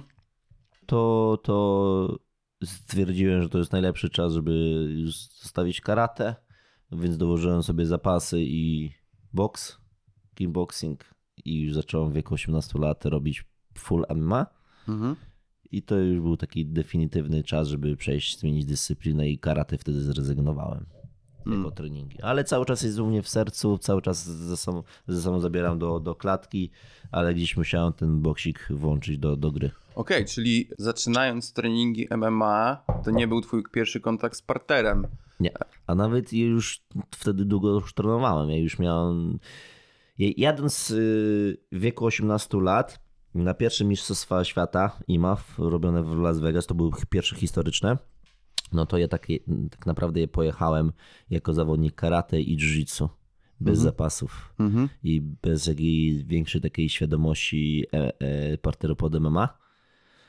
E, no i drugi raz jak już pojechałem, no to już rok czasu trenowałem boks, kickboxing, e, zapasy mhm. i już leciałem ze świadomością po medal. No i już byłem takim zawodnikiem MMA, a nie karateką z jiu-jitsu. I zupełnie inaczej już to wyglądało. Ale jeszcze przez kilka lat w MMA, nawet jak już doszedłem do zawodowstwa i w zawodowstwie miałem kilka walk, to gdzieś te jiu-jitsu bardziej przeważało e, nad e, Grand Pound. Mhm. I dopiero gdzieś tak od trzech lat robię swój styl Grand Pound z wiedzą jiu-jitsu, którą uzyskałem wcześniej. Więc ja tak czuję się, że jestem zawodnikiem z elementem jiu-jitsu, ale z mocnym grandem pound. I gdzieś to, że ja tak zacząłem szybko robić do jiu-jitsu, e, czuję się pewny siebie e, w parterze, że wiem, co mnie czeka. Nie muszę się tak mocno obawiać, mhm. bo już mam tą, takie doświadczenie z jiu-jitsu i gdzieś mi to otwiera na mocne uderzenia w parterze, więc uważam, że to, takie rozpoczęcie kariery u, u, mnie, chodzi o ten parter, to był, był strzał dziesiątkę. Bardzo zdrowo, no. No tak, no bo kurde, tak, tak bardziej tego słucham i sobie wszystko to składam, to w ogóle mam wątpliwości, czy siebie można nazywać, wiesz, stójkowiczem, nie? W sensie stójkowym zawodnikiem MMA. Jak w momencie, kiedy to jiu-jitsu pojawiło się na tyle wcześnie, a widać w twoich walkach, e, masz, masz przecież zwycięstwa przez poddania, widać, że w parterze dobrze się rusza. Zresztą swego czasu w samym jiu tam fajne robiłeś wyniki właśnie na tak, IDCC w Polsce, tak, tak, nie? Tak, Się biłeś naprawdę z y, czołówką y, grapplerów tam w swojej kategorii wagowej, także pierwsze skojarzenie, no Kasper Formela, Stójkowicz, ale czy taki do końca Stójkowicz? No fajnie, że taki przekrojowy zawodnik i to nie wynika z... Widać z czego to wynika. Tak. Więc sztos. I jak widać, że wszystko w mojej, w mojej karierze jest poukładane. Ja już w wieku 14 lat wiedziałem, że będę szedł do MMA i już wtedy zacząłem robić jiu-jitsu. Więc to mi też dużo dało, nie? A jest coś, co nie wiem, co cię y, irytowało bądź do dzisiaj irytuje w, w parterowej części twojego treningu? Czego nie lubisz w jiu-jitsu? Znaczy może nie to, że nie lubię, znaczy teraz może mi bardziej to przeszkadza. Kiedyś mi to nie przeszkadzało. Kiedyś byłem takim gościem, który chciał jak najwięcej poznać technik i tym trudniejsze, tym, tym lepsze i najlepiej to wykonywać podczas walki. A teraz yy, zacząłem być prostym zawodnikiem, proste techniki, proste przejścia yy, i jak najprostsze podania, ale skuteczne, nie? bo uświadomiłem sobie, czym trudniejsze są techniki, to w MMA po prostu nie działają. Nie? Mhm. I ubole... może nie irytuje, ale ubolewam, że te wszystkie takie piękne wkrętki po, po nogi i skrętówki, takie po prostu z dupy, gdzieś wyglądało wow, w MMA czasami to po prostu nie sprawdza egzaminu, nie? A kto z zawodników MMA, z którymi trenowałeś, największy na tobie zrobił wrażenie tym, jak się rusza w parterze? No to Mateusz Gamrot. Gamrot. No nie, nie robiłem z lepszym zawodnikiem MMA, mhm. który, który się lepiej ruszał w parterze. Nice. No w ogóle sztos było jak wtedy Gamrot się przygotowywał do ADCC i fakt, że wiesz, jest już profesjonalnym... Ja nie pamiętam, czy on wtedy już był w UFC, czy, czy jeszcze był mistrzem KSW, no ale poświęcił czas, pieniądze, żeby pojechać do Nowego roku, Jorku. pół roku. Siedział, siedział u, u, u Dana Hera. Mm, no losowanie nie najlepiej się ułożyło, żeby dostać Tonona w pierwszej walce, ale kurczę, no naprawdę, naprawdę chciał i w ogóle szacun za to wielki. No tak, słyszałem, słyszałem legendy, legendy o, o, o parterze Gamera. Mam nadzieję, że kiedyś będę miał okazję się jeszcze też na własnej skórze przekonać. A jeśli chodzi o nawet nie, nie parter, tylko, tylko z takich właśnie zawodników, którymi miałeś jakąś przelotną styczność gdzieś na treningach, to kto jest taki under the radar, z którym, z którym walczyłeś, kto, kto może zrobić, yy, wróżysz, nie wiem, wielką karierę albo, albo po prostu, że że się, się tyle o tej osobie nie mówi, a, a jest zajebistym zawodnikiem. Kogoś, ko, kogoś, kogoś byś chciał spropsować. Wydaje się, że u nas w klubie jest e, taki zawodnik Kacper Mateszewski, który jeśli będzie tak trenował jak trenuje do tej pory i u niego w głowie wszystko będzie w porządku, no to myślę, że może bardzo daleko zajść w, w MMA, ale no, no jest na początku swojej kariery zawodowej i jeszcze trzeba poczekać tego, tego, tego, tego czasu, ale mi się wydaje, że to jest dzieli go tylko czas od, od osiągnięcia jakiegoś większego sukcesu. I to jest taka kolejna osoba w Mighty Bulls, gdzie może zaistnieć. Słuchaj, a y, jeszcze przechodzę do UFC, ale z punktu widzenia fana. E, dużo oglądasz walk? Ma, masz na to czas? Jest, lubisz oglądać tak, walki jako okres- fan, y, czy... y, są takie okresy, że w ogóle nie oglądam, bo No. już jestem przerzucony, już przejedzony tym MMA wszystkim po kolei. Mhm. Ale są okresy, że cały czas oglądam. Mhm. Nie? I to zależy, jak mocno jestem przejedzony tym sportem, salą, treningami. Najczęściej jest tak, że wchodzę w ten najcięższy tydzień treningowy przed walką, to raczej nie oglądam, ale s- jak jest taki okres pomiędzy walkami, gdzie jest luźniej i to obciążenie nie ma takiego dużego i ta psychika jest bardziej wypoczęta i ciało, no to trochę, trochę zaczynam go nadrabiać, ob, y, oglądać. Kto jest twoim ulubionym zawodnikiem w twojej wadze, czyli w piórkowej w UFC? Komu tam najbardziej kibicujesz? No to chyba Wolkanowski jest taki najbardziej, który mi odpowiada tym, na ten moment. Nie dość, że jego fight IQ jest na wysokim poziomie, to wydaje mi się, że jako też człowiek taki mega w porządku gość z niego się wydaje. Eee, I fajny, poukładany, eee, tak mi się wydaje. Że... Wolkanowski. No, czyli rozumiem, że za niego będziesz trzymał kciuki teraz w walce z Jairem Rodriguezem. Dokładnie. Ale kurczę, ciekawe, bo właśnie Wolkanowski jest taki efektywny, wyrachowany. Jair Rodriguez to jest eksplozywność, styl, stujeczka efektowna i pomyślałbym, że to to by się bardziej podoba, nie? Nie, no jak chodzi o styl walki, to Rodrigueza, to jak chodzi o styl, to mi się mega podoba. Tylko chodzi mi o całokształt, o fight IQ zawodnika, który też fajnie kontroluje zapaśniczo e, z zawodników, ma mega dobrą stójkę. E, Może też Wolkanowski mi jest bliżej sercu, bo byłem w, Bank, w Banktao i ci trenerzy to Wolkanowski, Wolkanowski gdzieś tam się e, prze, przeplata. E, i gdzieś tam mi bardziej się tak za- za- zapisało.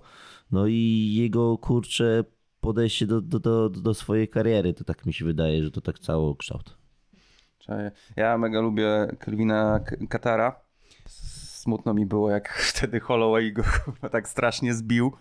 Ale to była też taka Kurczę, walka, miałem której... wrażenie, że najwięcej ciosów bokserskich on nam przyjął w, w obu. Ma Max Holloway wypuścił I swojej chyba tak karierze, jest. nie? Chyba to jest rekord... Chyba y, rekord UFC, nie? Tak, tak. Gdzieś tam... Ja, ja, jak ja sobie przypomnę. Jak on tam zbierał, a no przecież to jest świetny bokser, no to jest jeden z czołowych bokserów w niskich kategoriach y, wagowych w UFC, a jaką, jaką Holloway miał wtedy, pewnie miał dzień, że był nie, niezniszczalny, nie? No. To po prostu, bo, bo tak go, jeszcze jego akurat, no tak, tak go prze, no wyruchał go, no niestety, no musimy użyć Tak, takiego sformułowania. Tam chyba Drugie, drugie gdzieś miejsce to, to jest chyba e, Joanna nasza, jeśli chodzi o ilość e, uderzeń e, w walce jednej. Tak mi się wydaje. Gdzieś, gdzieś z którejś z tej walki z Jessica Penny albo z czegoś O, takiego. właśnie, wiesz, wiesz co, to teraz takie jak sobie przypomniałem, bo ja taki mój styl jest taki, że szachuję, wyczekuję na ten cios, żeby trafić, ale też mi się waży, marzy mi się właśnie taka jedna walka w karierze, żeby właśnie strzelać tymi rękoma, jak z karabinu, z seriami, nie? Jakbyś mi zadał pytanie, jaką walkę jeszcze chciałbym stoczyć w życiu, właśnie też taką właśnie, coś, te, coś tego typu, żeby strzelać z karabinu, a nie z pistoletu, nie? Okej, a w swoim treningu gdzieś to starasz się powoli wprowadzać, tak żeby właśnie swój no, styl troszeczkę to, zmienić na... to wychodzi, nie? Mhm. Tylko, że podczas walki e, chyba gdzieś tam z tyłu głowy jest taki styl bezpieczeństwa i styl karate, Mhm. że czekanie na ten jeden moment, żeby wystrzelić jakby do dwóch, trzech ciosów, pyk, pyk, zejście.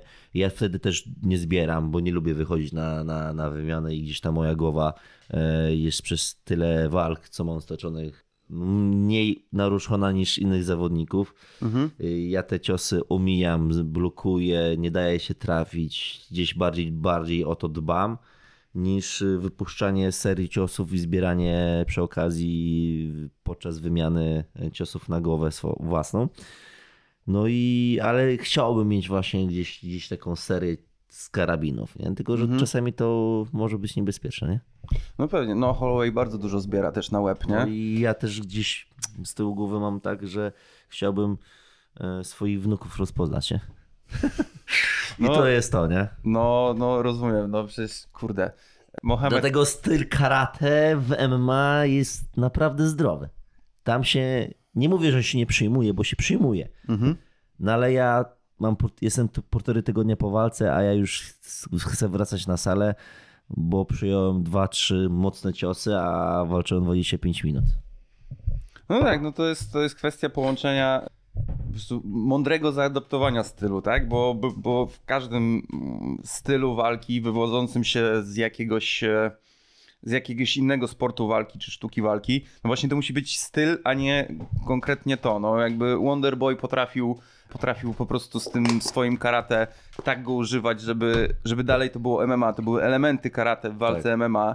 E, Machida, Machida to samo i dzięki temu osiągnęli sukcesy. No jak ktoś tam, no już nie są czasy, że w ogóle wjeżdżasz e, z jednym stylem, ale jeżeli będziesz próbował e, po prostu zastosować e, centralnie ten jakiś tam dany sport walki w MMA, no to zwykle nie wyjdzie, ale jeżeli sobie fajnie to połączysz, znajdziesz swój patent na to, no to, no to nagle to jest mega broń, bo ludzie są do tego nieprzyzwyczajeni, nie? Dokładnie. Po prostu wiesz, codziennie sparujesz z ludźmi, którzy po prostu boksują, po prostu e, robią kickboxing, jakby to wszystko jest dobre, mocne, ale, ale powiedzmy standardowe i nagle w klatce ci gościu, kurde, wiesz, lata dookoła i ty nie wiesz, co się dzieje, nie? Ma Dokładnie. cztery ręce i trzy nogi. Dlatego też może trudno się walczy, że mój, moi przeciwnicy ciężko im się walczy ze mną, nie? Mhm. Bo no, ile sparring partnerów naśladowało takiego gościa, który skacze cały czas? No, mało takich zawodników jest, nie? Mhm.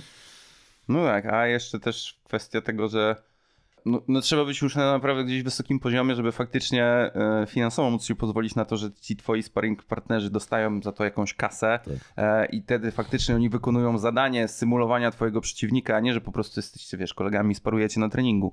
E, no ale to, to żeby sobie móc na to pozwolić, żeby sobie opłacać sparring partnerów pod konkretne cele, no to no to, to jest y, to już ciężka, w ogóle ciężka zupełnie praca, inny nie? poziom jest, nie? No. Ale ja dojdę do tego poziomu. Będę ściągał sobie dwóch, trzech gości do Chopowa pomiędzy wa- walkami i będę robił tutaj swój kamp i później będę latał gdzieś indziej na, na, na kampy. Później będę wracał z kampu ze świata i znów sprowadzał sobie zawodników. To jest ko- kolejny etap y, rozwoju, Mhm. o, o którym jeszcze nie powiedziałem, ale już mam zaplanowane, tak jak w sumie całe, całe swoje życie sportowe. Super, mega, mega. A y, wiesz, wiesz kto jeszcze jest... y, U, prawie woda poszła. Taki zawodnik, którego może być latać już teraz under the radar, ale w wadze piórkowej, którego ja bardzo lubię, Aaron Pico z Bellatora. Kojarzysz? Nie, bym musiał go przy.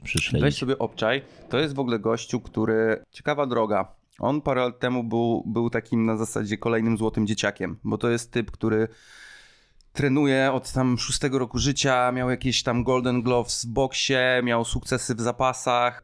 Full package, nie? Po prostu stworzony do tego, żeby zostać y, pożeraczem światu w MMA. Ostatecznie podpisał go Bellator, tam zaczął od jakiejś wygranej czy dwóch. Potem dostał doświadczonego zawodnika, weterana, który, który go upierdolił. Potem coś tam znowu wygrał, potem znowu przed. I jakby ten balonik został przekuty, ale chyba z korzyścią dla niego. Bo on w tej chwili tam, widzisz, nie mówi się już o nim aż tak dużo, ale wygrywa, wygrywa walki konsekwentnie i yy, nie wiem, czy jakie tam są opcje na jego przejście do UFC, natomiast ja go, ja go śledzę, coś jest takiego, że, że po prostu darzę go sympatią i bardzo polecam tobie, ewentualnie słuchaczom, którzy mm, lubią MMA właśnie, że poza UFC też można znaleźć w ogóle fajne, fajne rzeczy, nie? Warto też pośledzić Cage Warriors, no bo fajnie wiedzieć, jak potem ci zawodnicy wjeżdżają do UFC, to ty, a ty już ich znasz i oglądałeś ich walki i fajnie się wtedy można, wiesz, nakręcić, pokibicować im Zupełnie inaczej, nie? zupełnie inaczej, a no Cage Warriors ma taki oczywisty model, w którym oni jakby nie, nie trzymają tych zawodników, oni są po prostu dostarczycielami zawodników do UFC i pewnie źle na tym nie, nie wychodzą, jakieś tam na pewno deale, deale pod stołem Pewnie tak. po pod stołem są. Zresztą no, no, no masa ludzi tam wylądowała. No Paddy Pimblett, no Conor. Aśka też walczyła. Tak, Aśka też, też, też zdobyła. Ona tam chyba jedną walkę miała, Tak. od razu o pas a, i zdobyła ten pas, ale I od razu kontrakcik. e, Oskar Piechota Tak. e, wprawdzie w UFC no, nie potoczyło się to tak, jakbyśmy chcieli, ale no, wchodził jako mistrz Cage- Cage Warriors i z dużym hypem, nie? Także to, to jest w ogóle fajna ścieżka i warto sobie moim zdaniem jako fan e, śledzić właśnie nie tylko UFC, ale właśnie na przykład Cage Warriors.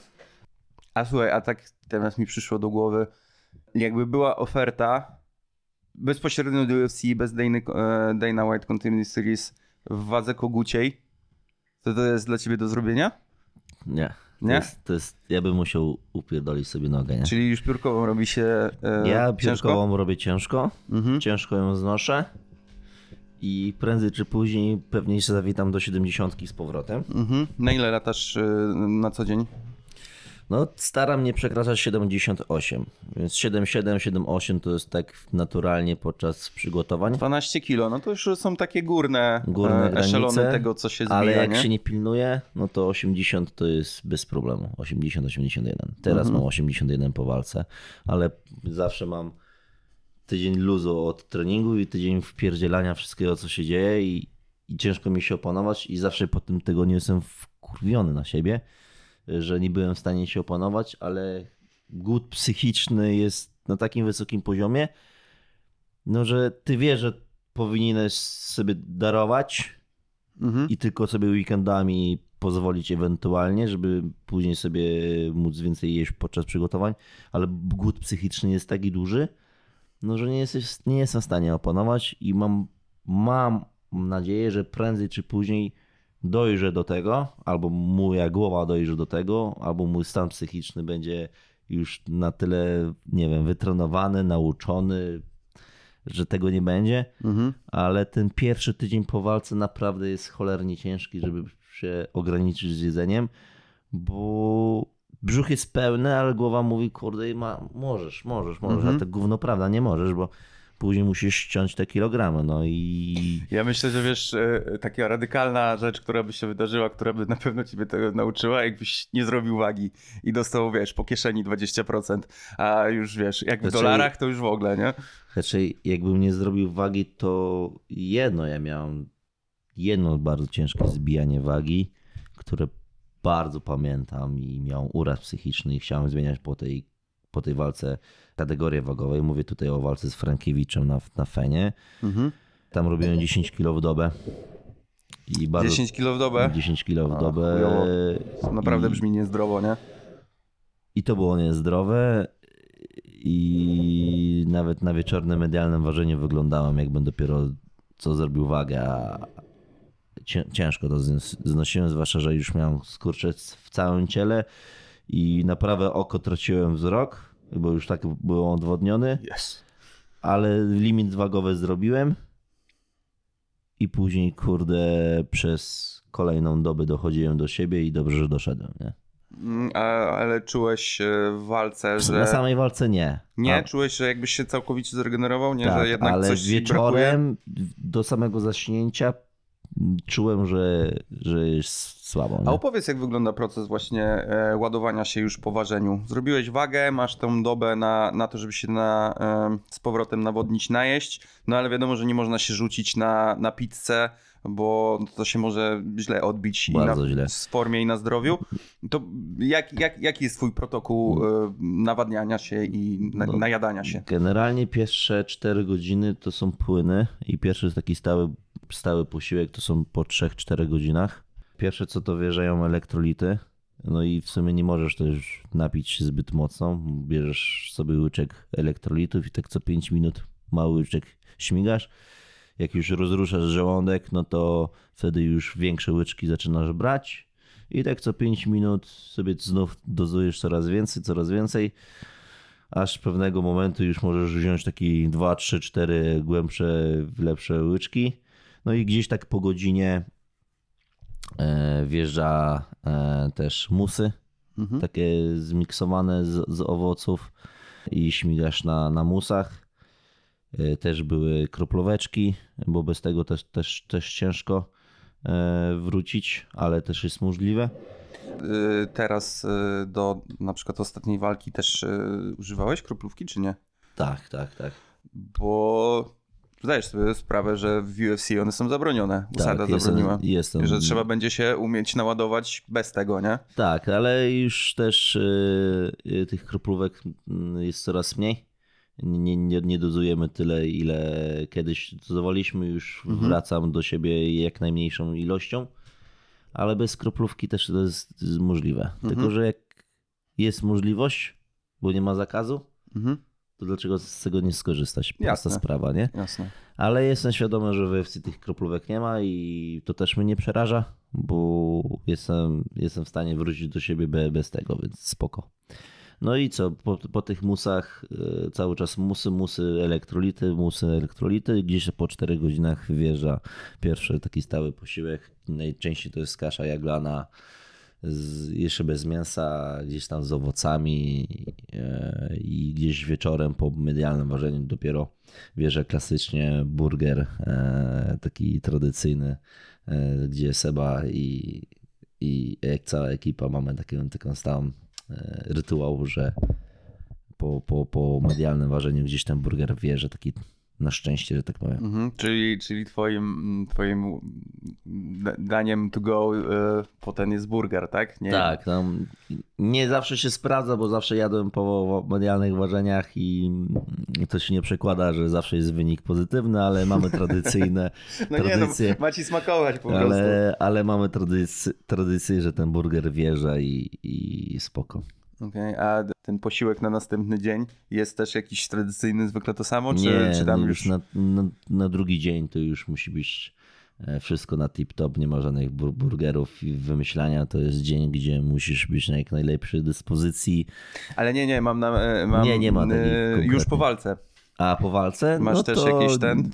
Czy to już jak cię fantazja Jakiś poniesie? fantazję poniesie. Kiedyś planowałem, co zjem, ale Aha. y, zawsze apetyt był na coś innego. Okej. Tak, e, zawinę zaraz do, do, do pewnego tematu przez to pytanie, ale czy zakładając, że sobie wychodzisz do walki UFC, czy to dalej będzie mm, ten sam utwór od Flinta? No byliśmy umówieni, że jak dostanę kontrakt z UFC, no to będzie nowa nuta na wyjście. Okej. E, Może nie całkiem nowa, może jakieś elementy z tej pierwszej będą zawarte, ale powiedział, że jak będą w UFC, to nagra mi nowy kawałek, więc oby był ten kontrakt, oby był Mhm. nowy kawałek. Okej, super.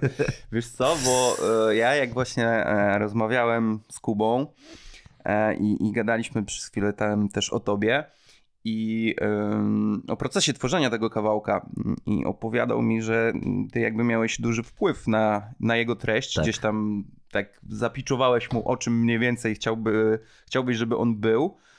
I Kuba opowiadał, że zaproponował ci początkowo swój już gotowy kawałek Salto, Tak. Natomiast nie chciałeś, nie chciałeś tego kawałka, bo w refrenie było muszę być większy, szybszy, silniejszy. A Dokładnie. ty nic nie musisz, tylko możesz. I to, to od razu w tym słychać, że, że kwestie jakiejś właśnie psychologii, samorozwoju i jakiegoś planowania swojej drogi nie są ci obce i są dla ciebie ważne. Czy ty do tego jakoś sam dochodzisz, czytając, nie wiem, książki, słuchając jakichś programów, czy tylko e, sobie masz kontakt z jakimś e, psychologiem sportowym? Skąd, skąd to się wzięło u ciebie, że właśnie, bo widać, że dużo poświęcasz takiemu e, myśleniu o tym, co, co robisz i na, nastawianiu swojej głowy czas. Więc, więc jak to wyszło i jak, jak to w tej chwili jest twój proces? No, akurat ten proces jest wy, wytrenowany, wyuczony z psychologiem sportowym. Mhm. Aleksandrą Rodzienowicz, którą serdecznie pozdrawiam. E, za czasów karate już, już współpracowałem z, z Olką. Miałem taki problem, że w pierwszych walkach, jakbym dostał gościa z finału, mógłbym z nim przegrać. A w finale to ja mogłem go rozjechać. No i w tych pierwszych walkach gdzieś tam była jakaś taka blokada u mnie psychiczna, że, że muszę wygrać. Nie? Gdzieś tam później w pierwszych etapach amatorskich w MMA też było gdzieś, że, że muszę wygrać. No ale tak naprawdę e, dlaczego muszę? Jeśli trenuję, bo ja chcę i chcę wychodzić do walki i chcę walczyć, bo chcę walczyć. Nie? I gdzieś ten, te słowo muszę mnie paraliżowało, gdzie nie pokazywałem 100% kacpa w formale, tego gdzieś tak w 50%. No i gdzieś jak wypracowałem, udało mi się wypracować, że ja chcę, chcę się bawić, chcę trenować, chcę walczyć, a nie muszę, to wystarczyło jedno słowo wykluczyć ze swojego słownika e, w głowie, co spowodowało, że nagle się odblokowałem i te walki zupełnie inaczej wyglądały. Więc słowo muszę w moim słowniku nie istnieje opierasz się właśnie na tej, na tej pracy z psychologiem, czy sam masz naturalne zainteresowanie takimi kwestiami i sobie właśnie oglądasz jakieś, nie wiem, wideo, czy czytasz jakieś książki na ten temat? Czy, czy stawiasz jednak na to, że jest y, profesjonalista, który mm, wie, jak się tym zająć i się temu poddajesz? Ja, czyli z moją psycholog pracujemy troszkę inaczej niż ona pracuje ze swoimi innymi podopiecznymi. To wiele razy z nią też na ten temat rozmawiałem że do dużo rzeczy dochodzę samemu, a ona mi lekko ukierunkowuje drogę. Mm, coś lekko podpowie, ja już sobie to podłapię, po swojemu to sobie poukładam w głowie, a ona jakby do, doprawi. Też y, dużo kiedyś słuchałem jakichś tam podcastów y, psychologicznych, mhm. E, ale też dużo intuicyjnie mm, gdzieś tam sobie tłumaczę, a jeśli coś moja intuicja nie jest w stanie przetworzyć, to wystarczy jedno spotkanie z Olą, ona mi nakierunkuje, w którą stronę mam myśleć i jak przyjadę do domu, przeanalizuję nasze spotkanie, nagram głosówkę Oli i już zaczynam już kminić to po, po swojemu. Nie wszystko sobie dam radę ogarnąć samemu, mhm ale dużo, dużo samemu, ale z, właśnie z pomocą Oli, nie? Mhm. Y, więc to i to.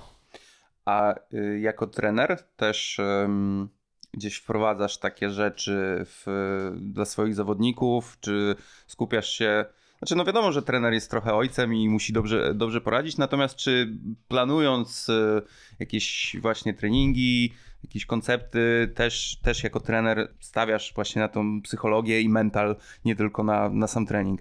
No, generalnie e, moja filozofia prowadzenia klubu jest taka, że wspólna droga życia i MMA. I już to samo mówi za siebie, że e, u mnie nie tylko trenujemy ciało, ale też i umysł i gdzieś tę postawę mentalną bardzo mocno wpajam, bo mi jeżeli moja filozofia prowadzenia klubu jest taka, że mi nie zależy, żeby stworzyć mistrzów, mi zależy, żeby stworzyć silnych ludzi.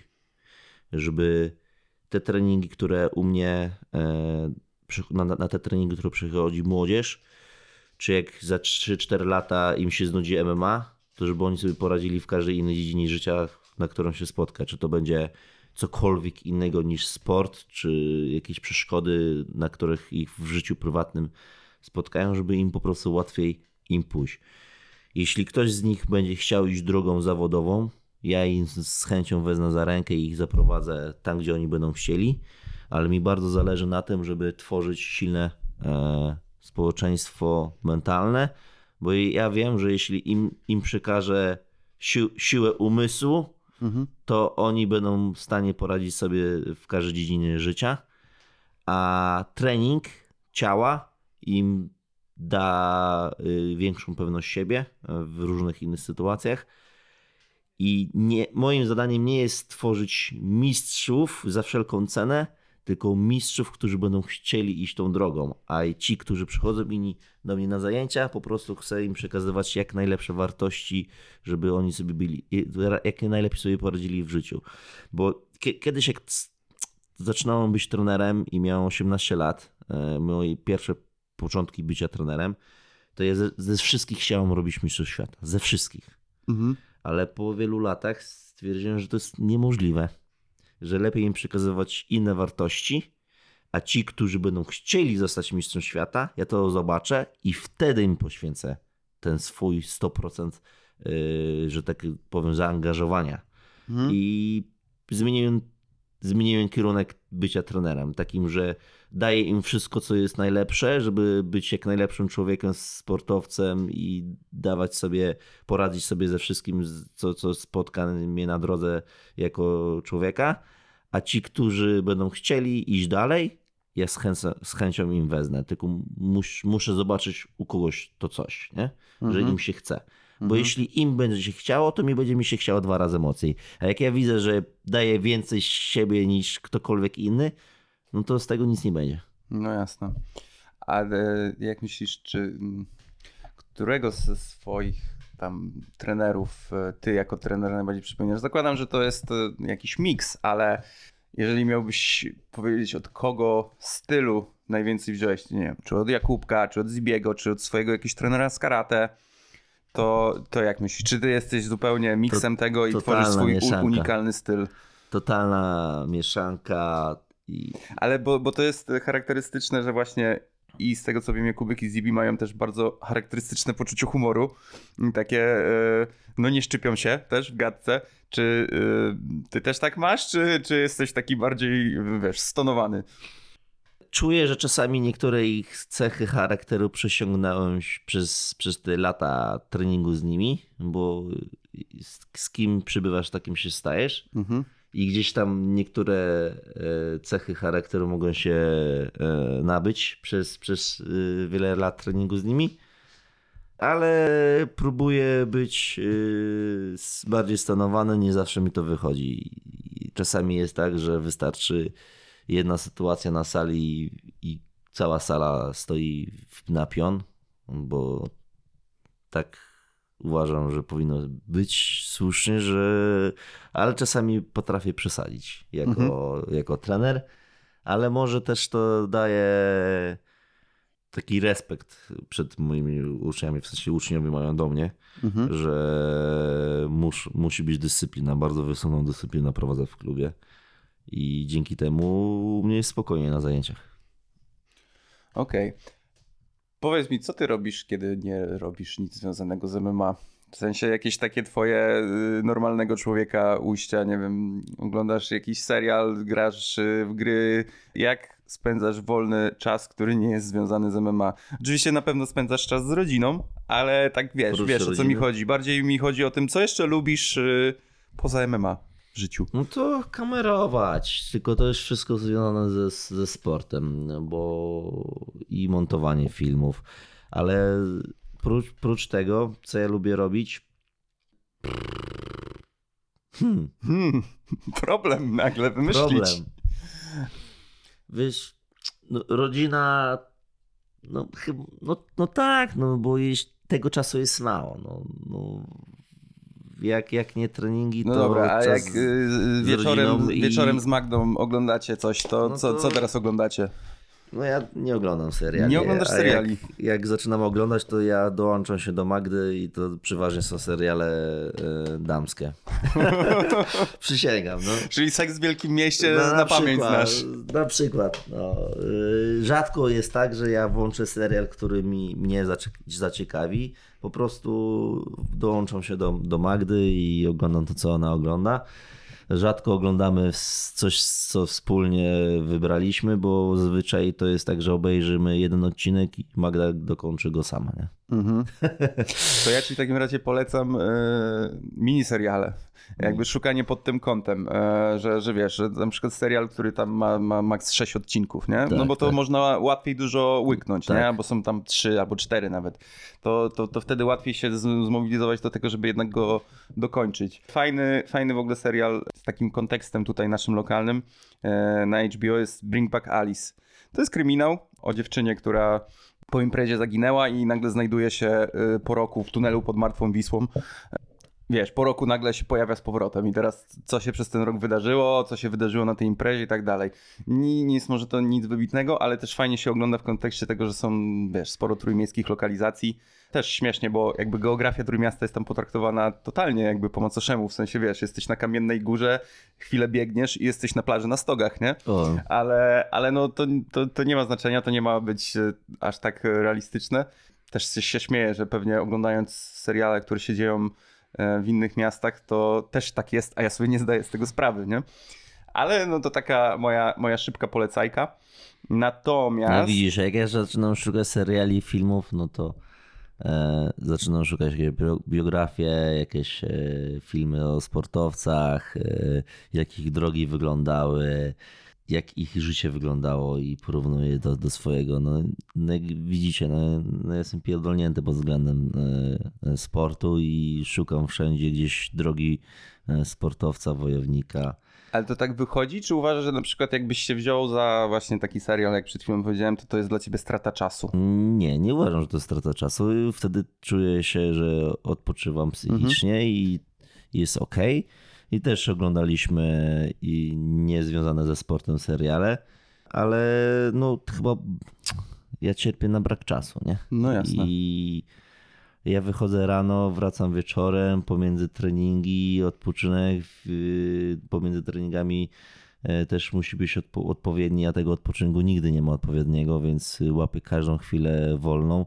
I jak nie mam co robić, to po prostu sprób- próbuję chociaż na 5-10 minut poleżeć i nic nie robić i spróbować chociaż to 10 minut pomedytować, bo nie ma czasu na drzemki 30-minutowe pomiędzy treningami. E, Jeśli wyjeżdżam z, z chaty, to kurczę i w głowie jest mnóstwo myśli, bo musisz zrobić to, to, to, to, to, to, to, to, to, to. Jeśli czegoś nie zrobisz teraz, to zaraz jutro się na, nawarstwi kolejne obowiązki. No i chyba przez to jest tak, że wracam wieczorem z treningu i jeszcze, tak jak wczoraj była sytuacja, Magda już poszła spać, a ja mówię, no sorry, muszę jeszcze posiedzieć na kąpie i zrobić to, to, to, to, to, to. I tutaj leży problem, nie? Bo może jakbym miał więcej czasu, to może tą drugą pasję, czyli filmowanie i YouTube'a bym jeszcze bardziej rozwijał, a przez to, że ten czas coraz mniej, mniej go mam, no to też ta druga pasja, kamerowanie, filmowanie jest mniej zadbana, aczkolwiek cały czas aktywnie działam na tym YouTubie. Fajnie, że właśnie do tego e, nawiązałeś, bo ja sobie nawet zapisałem mm, twój jakby kanał na YouTubie jako, jako temat do poruszenia, ale udało mi się to przegapić w moich notatkach teraz.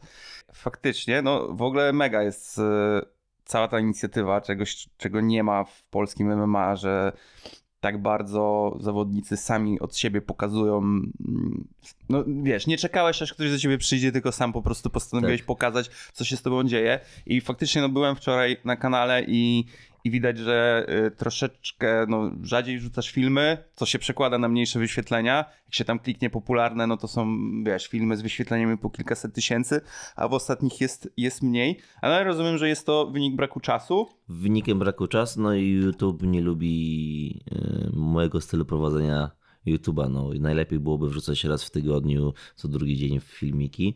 Wtedy ten algorytm e, fajnie, fajnie zadziałał. Fajnie zadziałał algorytm w momencie, kiedy właśnie była e, Seba zdobył pas, później był miał Tak, vloga z, filmik, no.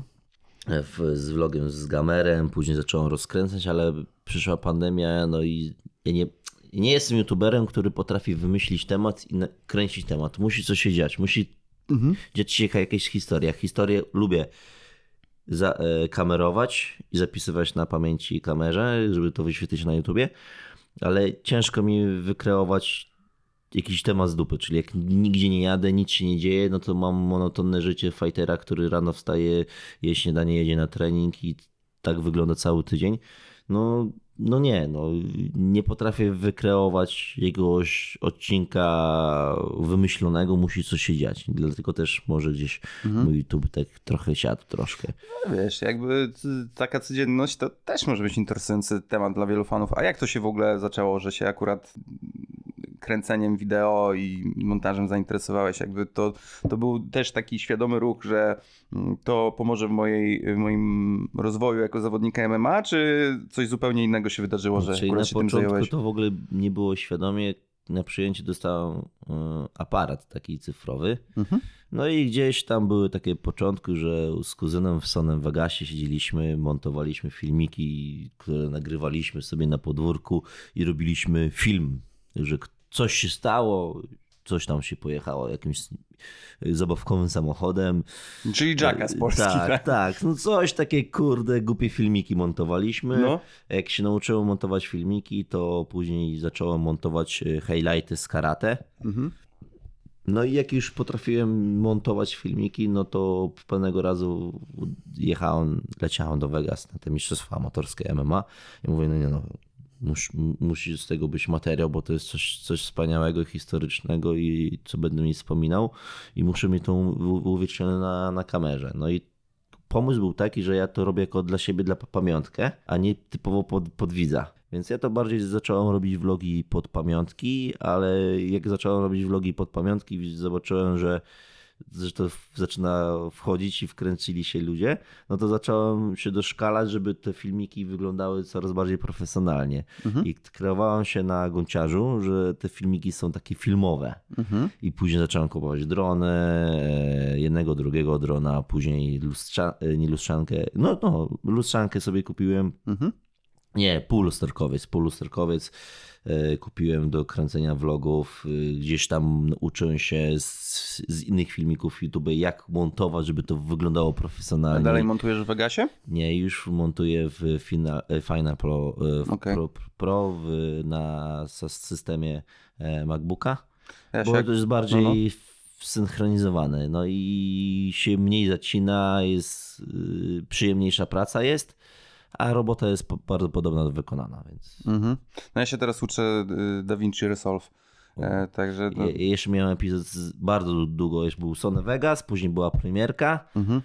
no bo premierka to była premierka, więc stwierdziłem, że ja będę na Sony Vegasie śmigał, to będę na premierce śmigał, no ale jak kupiłem MacBooka, no to żeby była przyjemniejsza praca, synchronizacja plików, to Final Pro no to przecież przeważył, nie? Mhm. To jest płatne? Płatne, no ale to jest, płacisz tam jednorazowo i masz na całe życie. Mhm. Rozumiem. A dobra, a jaki y, jest taki teraz twój y, setup sprzętowy jest? y, Taki podstawowy twój zestaw urządzeń do, do nagrywania? To mam tą GH5 Panasonica, Aparat? aparat, tak. Do tego mam obiektyw 2.8 e, przysłony. E, mam Mavica 2 Pro, jak chodzi o drona. No i zawsze telefon. I to są takie. E, Jakaś kamera sportowa, jakieś GoPro czy nie? Mam DJI Osmo, ale mniej jej- jej używam, bardziej ją używam, żeby ją gdzieś tam skitrać, przy, przy nagrać jakieś sparingi, ale do vlogów ją mniej używam ze względu na to, że już iPhone ma szerokokątną kamerę i jak już mam nagrywać, to wolę z iPhone'a, bo jest zawsze przy sobie, a tą sportową kamerkę to bardziej używam do nagrywania sparingów i analizowania sparingów niż kręcenia vlogów. Mhm, mhm, okej. okej. Ja też trochę dla siebie podpytuję, bo i, ja wiesz, tam myślę o, o wprowadzeniu y, wideo, a to no, duży krok i to trzeba też się właśnie dowiedzieć, jak ten sprzęt obsługiwać, jak to zupełnie inny montaż i tak dalej, więc, e, więc trochę prokrastynuję w tej kwestii. Zwłaszcza, że no nie wiem, jak inni konsumują mm, podcasty, ja, ja mimo wszystko e, słucham dużo podcastów, ale nie nie oglądam ich raczej, no bo, No bo nie, nie potrzebuję do rozmowy, rozmowy w sumie patrzeć, jak siedzi ten Rogan. Zwłaszcza, że no, podcasty są długie, no i bardziej to idziesz na spacer, jedziesz samochodem, Tak. y, ro- robisz coś jeszcze innego niż tylko siedzisz i oglądasz. Nie? Gotowanie to jest moja ulubiona rzecz do No. słuchania podcastu, to jest gotowanie. Samochód, gotowanie i sprzątanie. Trzy najlepsze rzeczy, bo możesz, e, rzeczy robisz automatycznie, nie Tak. musisz się nad nimi zastanawiać, więc możesz się skupiać na tym, co słuchasz. Jakby próbowałem, e, nie sprawdza mi się ani przed spaniem, bo ja bardzo szybko zasypiam i po prostu I odlatujesz, nie pamiętam. pięć minut tak. posłuchałem podcastu i tyle. Próbowałem przy jakiejś pracy, w sensie takiej przy komputerze jakiejś zawodowej, no to w ogóle, w ogóle nie, bo wiesz, minęła pół godziny i ja nie wiem w ogóle o czym oni gadali, Tak, więc, tak, tak. Więc, więc, więc bez sensu. No okej. Kacper, mam jeszcze takie pytanie, które y, zadaję wszystkim gościom, chociaż je troszeczkę ostatnio zmieniłem, natomiast na taką pozytywniejszą wersję tego pytania. Gdyby miała się do ciebie zgłosić y, dowolna osoba, nie, nie, nie fighter, tylko znana osoba ze świata, z Polski i poprosić cię o prywatkę, nie? No, Słuchaj, czyli e, dowolna osoba się do ciebie zgłasza, którą po prostu na prywatkę, wiadomo, że na takiej prywatce się taką osobę poznaje, łapie się jakiś kontakt. Kto znany chciałbyś, żeby to był, bo po prostu lubisz tą osobę, gdzieś tam śledzisz, wzbudza twoją sympatię i fajnie by było ją e, poznać, wiesz, i zarazić swoją też miłością do MMA, czy do karate, czy do jiu-jitsu, co ona by tam chciała. Ale z kim byś się jarał, że możesz, wiesz, pogadać, zbić piątkę i zakumplować się potencjalnie? Może być to aktor, piosenkarz, y, dowolna znana osoba. Jest problem, bo ja się tak mocno nie jaram ludźmi, jak cała reszta społeczeństwa aktorami. No ale kogoś śledzisz na pewno, nie? Yy, No właśnie, ja mało ludzi śledzę. Ja mam e, media społecznościowe, żeby wrzucać swoje materiały, żeby ludzie śledzili mnie, bo ja naprawdę mało ludzi śledzę. Jak śledzę, to bardziej sportowców, którzy mnie interesują. E, A sportowiec spoza sportu walki. O, kurczę, taką. Adam Mały zawsze, bo to, to za dzieciaka. Jak byłem młodszy, to bardziej jarałem się lu- ludźmi, którzy osiągali sukcesy Mhm. albo byli bardziej sławni. Teraz y, na mnie nie, nie robią wrażenia. W ogóle kiedyś byłem w Vegas i widziałem Macidę, to jest mój idol, Mhm. ale do niego nie podszedłem i nie zrobiłem zdjęcia, bo powiedziałem, że pe- pewnego razu to on będzie chciał zrobić zdjęcie ze mną. Mhm. Ja mam taki sam myślenia i to jest taki znów ludzie mogą powiedzieć, kurwa, co za gościu, co nie? No ale ja, ja, ja właśnie wychodzę tak, tak myślę, nie? że ja nie chcę z nikim robić zdjęcia, bo nie potrzebuję tego, nie, nie czuję tego fanu yy, i wszystko po kolei. Po prostu wystarczy, że ja zobaczyłem i to już dla mnie bardzo dużo znaczyło. I co zapisałem sobie, zrobiłem zdjęcie oczami, a nie stricte, stricte Aha. telefonem. Nie? Może teraz bym zmienił zdanie i bym może przybił pionę i bym wrzucił to na media społecznościowe. Mhm. No ale wtedy powie- powiedziałem, nie, ja sprawię to, że to pewnego razu to on będzie chciał zrobić ze mną zdjęcie. Bardzo dobrze. Ja rozumiem, rozumiem taką postawę, szanuję. Ja mam tak, że znanymi osobami, którymi się jaram, na przykład rzadko kiedy zależy mi na zdjęciu, na przykład nie rozumiem idei autografu, nie? No. Że podchodzisz, cześć, podajesz tam płytę czy coś, on ci podpisuje, czy karteczkę i sobie idziesz. Jaką to ma dla ciebie wartość? Fotka, fajnie, ale znowu, jakby byłem świadkiem wielokrotnie, wiesz, że ktoś podchodzi na przykład do jakiegoś artysty, hip-hopowca czy coś, wiesz, jakiś dzieciak, wiesz, zdjęcie, takie tępy wyraz jakby nic nie mówi, po prostu idzie dalej. Tak. Dla mnie to nie ma Nie, wartości, nie, na tym dlatego zdjęciu nie ma nic. tak, dlatego ja mam tak, że jak jest ktoś, kogo lubię, kim się jaram, to staram się zagadać i dla mnie wymiana trzech zdań nawet jest więcej wartościowe niż. bardziej wartościowa niż takie zdjęcie. Jak się uda jeszcze zrobić zdjęcie, to super. No. E, więc ja rozumiem tą postawę, szanuję. Pamiętam jak byłem lat, bardzo, bardzo dawno temu, przed, to było krótko przed tym, jak Złomiarz stał się otwartą sekcją i zacząłem trenować stricte jiu-jitsu w Złomiarzu. Byłem na grappling arenie na zawodach e, tutaj, e, które mie- dwie edycje zawodów na zaproszenie, które tutaj w Gdyni się odbywały, gdzie najlepsi polscy zawodnicy się bili i miałem dokładnie to samo, na zasadzie nie, ja będę z nimi trenował, Tak, i to E, więcej ci fanów ci da. A nie, że będę sobie z nimi robił zdjęcia, bo ja za, za, za jakiś czas będę, to będą moi, wiesz, zna, znajomi, koledzy, znajomi nie? koledzy. No to miałem tak samo, wiesz, jak my zaczę... Seba wszedł do KSW i zacząłeś widzieć sobie e, te wszystkie gwiazdy, Mamet, Pudzian, gdzie tam w telewizji było cały czas przewijane. No i ja po tych latach, co Seba jest na KSW i jestem z nim na, na każdej gali, to ja z Mamedem sobie normalnie przybijam pionę, z nim sobie zagadam. On mówi, jak mi, mi poszła walka, jak się czuję i takie są, jak się czuję, jak minęło, jestem po walce, od Mameda, który on się zaczął interesować chłopem, który je, je, jest teraz, może nie, nie w KSW, ale e, fajnie gościu, taki jak Mamed, pyta się jak, jak tam się czuje po walce, jak ten, to już jest zajebiste, nie? Mhm. Ja z Mamedem nie mam zdjęcia, ale mam wiele razy z nim porozmawiałem, wymieniłem się zdaniami. Z, z wiele, wielokrotnie się spotkałem z winu. To jest też, też to jest dziwna historia, bo wielokrotnie się z Pudzianem spotkałem sam na sam e, w windzie i też kilka zdań e, zamieniłem i to już dla mnie też dużo fa- fajnego takiego e, coś pozytywne, pozytywnego dało. A zdjęcia też z nim nie mam. I to są takie chwile, gdzie spoko, spoko. No, ja, ja kompletnie tutaj się. y, To, to, samo, to samo mam zdanie, tą samą mam opinię i, i, i, i nawet. Co nie zawsze jest łatwe, bo, bo to trzeba mieć też jakieś takie podejście, żeby umieć się przełamać, podejść, zagadać. Zagadać w sposób, który daje jakąś szansę, żeby Tak. chociaż. Nie mówię, że, że będziesz siedział pół godziny z tą osobą rozmawiał, Ale, ale. wystarczy dosłownie sy- zamienić kilka słów, zdań i już kurde. No dokładnie, jakbym spotkał, wiesz, Joe Rogana, tak. no to bym powiedział, siema, cześć, przepraszam, nie chcę przeszkadzać, wiem, że to jest twój prywatny czas, ale bardzo lubię twój podcast i wiesz, zbić piątkę, aczkolwiek no Rogan to ostatnimi czasy wkurwiający jest, ale to już inna inszość, nie? Ale powiedziałeś Adam Małysz. Adam Małysz, ze względu na to, że kurczę, wiesz, ja byłem gdzieś tam e, dzieckiem, gdzie nawet y, ledwo co osiągałem jakieś tam osiągnięcia w karate i gdzieś tam miał swój najlepszy czas wtedy, gdzie wszyscy go oglądali, no i my zawsze oglądaliśmy z ojcem, czy z dziadkiem, czy jak Adam Małysz y, miał starty.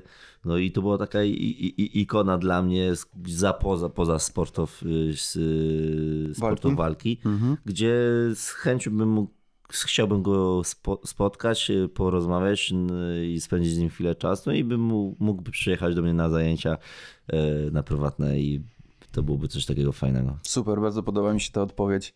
Kacper, mm, myślę, że powoli tu już zawijamy do końca. Bardzo Ci dziękuję za to, że zgodziłeś się zostać moim gościem. Myślę, że to wyszła nam super rozmowa. Dziękuję za, że, y, za zaproszenie do, do programu, do podcastu. Też mi się dobrze rozmawiało.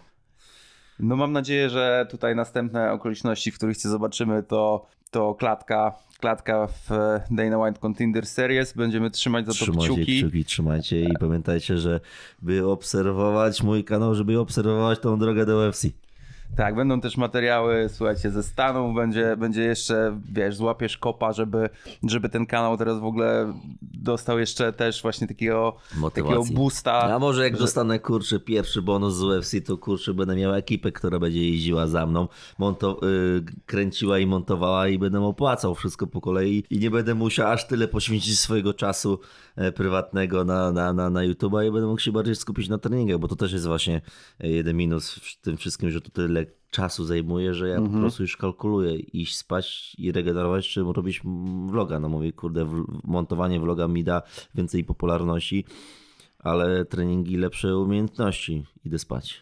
A kiedyś, jak byłem młodszy, to ja wolałem montować filmiki, bo nie czułem takiej potrzeby regeneracji. Tu też jest ciekawe, jako młodszy, młodszy zawodnik, to ja potrafiłem siedzieć do drugiej, trzeciej na kąpie, rano wstać i iść na trening, a teraz sobie nie wyobrażam, bo dla mnie jednak regeneracja to jest ważniejsze niż siedzenie przy kąpie. A, to jest normalne, kurde, jak się miało, miało 18 lat, to miało się, Dokładnie. kurwa, komputer cię wręcz ładował ci energię. Dokładnie. nie- I te montowanie vloga mnie bardziej motywowało, żeby iść rano na trening. Nie? To, No. to w ogóle schemat myślenia wtedy, a teraz No, taka nieśmiertelność była, Tak, nie? Jakby tak. I dzisiaj raz, że rozsądek, dwa, że no wiek i po prostu ta regeneracja już nie działa w tak genialny sposób.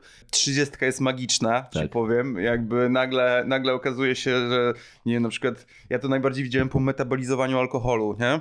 Ja y, rzadko, rzadko bardzo y, piję alkohol, ale no wiesz, do, do tej trzydziestki, jak była jakaś impreza, no to co, że sparingi były, wiesz, normalne, druga w nocy, wiesz, no ja, i siedzimy, pijemy i ja mówię, no ja jeszcze jutro dziesiąta muszę iść na sparingi, nie?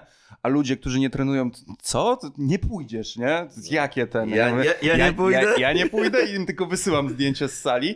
I nagle po trzydziestce, i ja nigdy nie miałem kaca, nie? Trzy razy w życiu miałem kaca, takiego anegdotkowego, że głowa boli i tak dalej. Wiadomo, że no jakby rano po jakimś tam piciu nie czujesz się niesamowicie, ale i nagle trzydziestka i jest klik, nie? I nagle jest, 100 razy gorzej. Zupełnie inaczej. No, Ja jeszcze do 30 mam trochę czasu, no właśnie ale... wiem, dlatego tak ale- cię tylko ale- ostrzegam, żebyś Ale wykorzystał wiem, że ten ten czas. czas bardzo szybko minie, bo y, jak sobie uświadomiłem, ile już trenuję, ile mam lat, a ja mam wrażenie, że to jest dopiero początek mojej drogi w sportach walki, to mówię, kurwa mać, mi zostało 10 lat kariery, go chłopie, to nie jest początek, nie? Ale w głowie to jest dopiero początek.